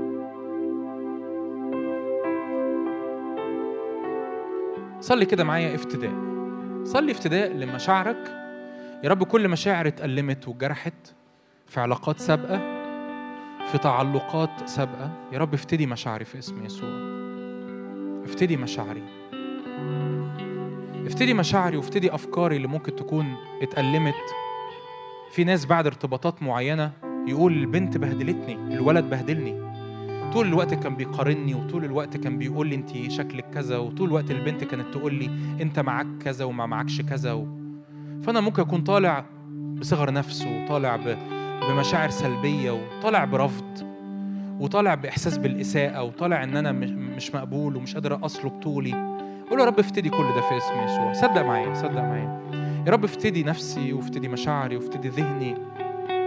افتدي يا رب كل أخطاء أنا عملتها يا رب الوقت اللي فات سواء بقصد أو بدون قصد. سواء وأنا واخد بالي إن أنا كان بيتعمل فيا كده أو أنا ما كنتش واخد بالي. افتدي كمان يا رب ناس أنا ممكن أكون أذيتهم. بنت اتكلمت معاها بطريقة مش نقية. بنت لمست جسمها بطريقة مش نقية. ولد لمستيه بطريقة مش نقية. توبي قدمي توبة قدم توبة. يا رب أنا بتوب عن أنا بتوب عن أي مشاهدات إباحية مالت ذهني كتير كتير كتير الوقت اللي فات. و... وفي ناس بيكرهوا العلاقة الجنسية في بنات بيكرهوا العلاقة الجنسية وفي بنات بيكرهوا سيرة الجواز بسبب التشوه اللي هم بيشوفوه بسبب الاستغلال اللي بيحسوا بيه بسبب إحساس إن أنا مجرد جسم مجرد جسم علشان الولد. يا رب تعالى اغسلنا اغسلنا اغسلنا وبصلي لأجل افتح عينينا الوقت اللي جاي أكتر في الكلمة في الكتاب المقدس في التعليم في الحق علشان أذهاننا تتغسل أذهاننا تتنقى أنا عايز أقول لك أنت في كل مرة للأسف يعني ما أقصدش أحمل عليك لكن في كل مرة أنت بتتفرج على أو أنت بتتفرجي على على محتوى إباحي أنت بتزودي التجارة دي أكتر وأكتر من استغلال جنسي بنات بيستغلوا جنسيا. بنات بي- بيتخطفوا حرفيا من أهاليهم. دول شرق أوروبا ودول شرق آسيا. بنات بيبقوا تحت تأثير مخدرات حرفيا عشان يقدروا يعملوا اللي بيعملوه اللي انت بتتفرج عليه في الفيلم أو اللي انت بتتفرج عليه في الفيديو. بنات. بلا أب بلا عيلة بلا انتماء بلا محبة حقيقية. بنات بيتم تشويههم للأبد للأبد. لأن لأن صورهم وفيديوهاتهم بقت موجودة. كل الناس تتفرج عليها فقدم توبة قدم توبة قدمي توبة. يا رب أنا بتوب عن كل موقع إباحي اتفرجت عليه بتوب يا رب عن كل فيديو كل يا رب أوقات ضيعتها قدام يا رب أمور مش نقية. أنا بتوب يا رب عن كل أمر وكنت بعمله بشكل أناني بشكل مستغل في علاقاتي. ويا رب افتديني في اسم يسوع افتديني. افتدي بابا وماما. صلي مجرد تقول لي طب الصلوة دي هتعمل إيه؟ أقول لك أنا مش عارف بالظبط الصلوة دي ممكن تعمل إيه. لكن ببساطة اعلن الافتداء ده على بيتك. يا رب افتدي بابا وماما افتدي علاقتهم افتدي علاقتهم افتدي السلام ما بينهم افتدي المحبة ما بينهم. يا رب اعمل استرداد يا رب في البيت. اعمل استرداد يا رب عشان بيتنا يكون شبه بيتك. لو أنت متجوز لو أنت متجوزة لو حد بيسمع أو بيتابع ال streaming قول يا رب افتدي بيتي افتدي أسرتي افتدي زوجي افتدي زوجتي. اسم يسوع. شكرا يا رب لأنك خلقت كل حاجة جميلة. رب بعد ما خلق الإنسان ذكر وانثى خلقهما وخلقهم وهو, عارف الرب خلق أعضائهم الجنسية والرب خلق أجسامهم. الكتاب بيقول كده رأى الله أن انها كل شيء حسن جدا. فالرب لما شاف آدم وشاف حواء بتكوينهم الجسدي وبشكلهم وبمشاعرهم وباختلافاتهم الله في الآخر قال إيه ده؟ دي حاجة نجسة. لا الله قال دي حاجة رائعة. دي حاجة رائعة. فقول يا رب شكرا لأن أنت اللي صممت الجواز. أنت اللي صممت العلاقة الجنسية. أنت اللي صممت جسمي. أنت اللي صممت شكلي. وشكرا يا رب لأن كل أمور غلط دخلت في ذهني ودخلت في مشاعري. يا رب تعالى طهرني منها في اسم يسوع. تعالى طهرني منها في اسم يسوع. الكتاب بيقول كده ليكن الزواج مكرما والمضجع غير نجس. يا رب بنكرم بنكرم العلاقة دي اسمها علاقة الجواز. الاتحاد يترك الرجل أباه وأمه ويلتصق بامرأته في اسم يسوع. ارفع إيدك كده معايا قبل ما أسيب كمال يقودنا. ارفع إيدك معايا. يا رب أنا بتنبأ على مستقبلي بتنبأ على علاقاتي بتنبأ على مشاعري ونفسي وأفكاري. املأني بالحكمة في الاختيارات. يا رب وداني تسمعك عيني تسمعك قلبي يكون حساس لقيادتك في اسم يسوع. يا رب مشروع الجواز ده انت اللي صممته. يبقى انت يا رب اللي هتخليه ناجح. انت اللي هتبنيه مظبوط. انت اللي هتبني مستقبلي. انت اللي هتبني بيتي. انت اللي هتبني ارتباطي. انت اللي هتبني علاقاتي اللي جاية. احفظني يا رب في القداسة. احفظني في الطهارة. احفظني في النقاء. احفظني في الاختيارات المظبوطة في اسم رب يسوع. يا رب أنا برفض صلي كده معايا أنا برفض كل محاولات إبليس إنه يتدخل في أي اختيارات أو أي ضغط نفسي يعمله عليا أي ضغط إن أنا سني صغير فلازم أرتبط بقى أنت في ثانوي ولا أنت في جامعة يلا بقى ارتبط يلا صاحب يلا اعمل مش عارف إيه يلا روح يلا تعالى. يا رب كل ضغط إبليس بيرميه على مشاعري كل ضغط إبليس بيرميه على أفكاري كل افكار وحدة. وكأني حسيت إن أنا زهقت وبلاقي لذة أو بلاقي استمتاع في أمور مش نقية. يا رب كل ده أنا برفضه في اسم يسوع برفضه من عليا في اسم يسوع. برفضه من عليا في اسم يسوع. يا رب قدس قدس إنائي قدس جسدي قدس نفسي قدس أفكاري قدس مشاعري في اسم يسوع. أنا كلي للرب كلي للرب جوازي للرب مستقبلي للرب علاقاتي للرب. لو في ولد بيتعرف عليا الوقت ده للرب. وانت يا رب تقود. لو في بنت بتعرف عليها الوقت ده كل أمر يا رب ليك كل أمر لمجدك كل أمر لتتميم مشيئتك ومقاصدك في حياتي في اسم يسوع في اسم يسوع.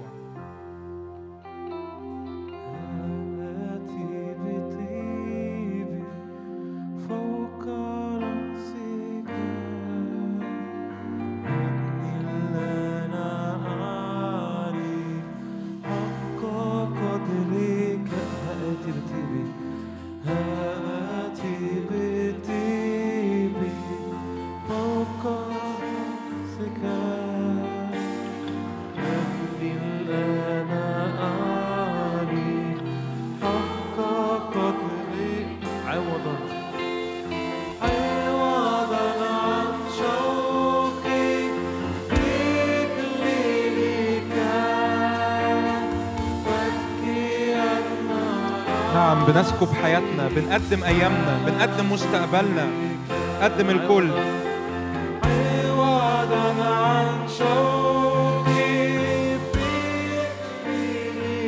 بنقدم الكل يا رب بنقدم الكل.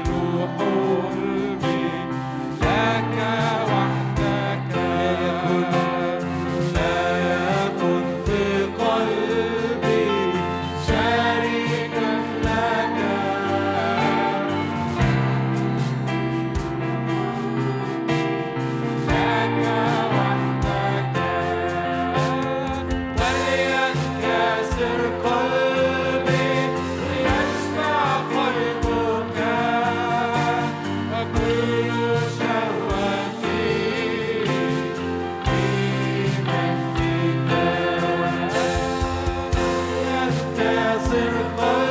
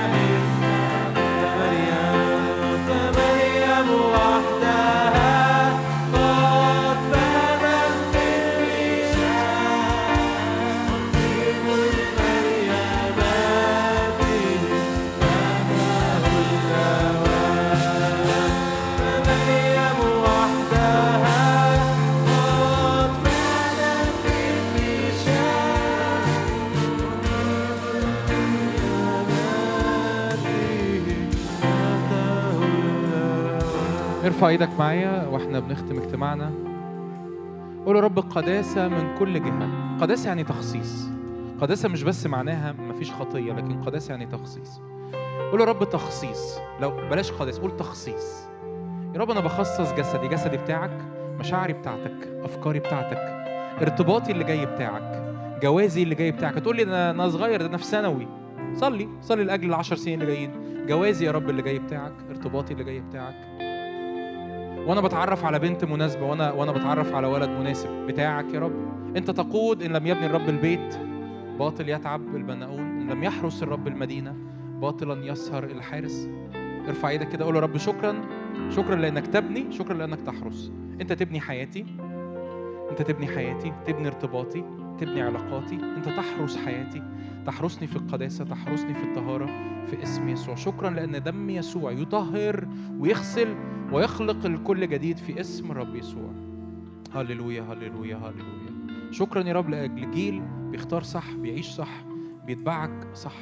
هللويا. شكرا لأنك تفرحنا على مدار السنين اللي جاية بارتباطات مليانة مجد مليانة فرح مليانة قداسة ببيوت مليانة بيسوع المسيح في كل أمر. في اسم الرب يسوع. عايز تع- تعالوا نصلي مع دقيقتين كمان. قول يا رب ات- اتنبأ على بيتك. اتنبأ على بيتك اللي انت مش عارفه ده اللي انت مش شايفه. جوازك اللي انت لسه مش شايفه ده. يا رب أنا بتنبأ يا رب بيت مليان حضورك مليان سلامك. زوجة صالحة زوج صالح زوج مؤمن زوجة مؤمنة زوج ممتلئ بالروح القدس. يا رب نكون خدام ليك نتبعك بكل القلب. أرواحنا ونفوسنا وأجسادنا بتاعتك. بيتنا يبقى مليان بحضورك مليان بسلامك. ولادنا يبقوا ممتلئين بالروح القدس. يتبعوك يمشوا وراك. يشوفوا يشوفوا يسوع فينا. يشوفوا يسوع فينا. يشوفوا يسوع فينا. يشوفوا يسوع في بيتنا. كل اللي يدخل في البيت يتقابل مع حضورك يتقابل مع سلامك يتقابل مع قداستك يتقابل مع هدوءك يتقابل مع فرحك يتقابل مع شبعك. بيت للرب. أنا بتنبأ كده عيلتي اللي جاية. بيت للرب في اسم يسوع. بيت للرب. بيت للرب. بيت للرب. أنا بتنبأ كده على كثيرين وكثيرات. بيوت للرب في اسم يسوع.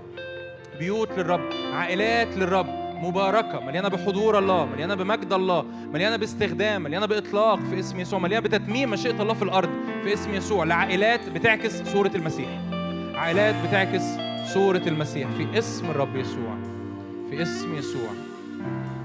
لكل المجد يا رب. شكرا لأجل حضورك. أمين أمين.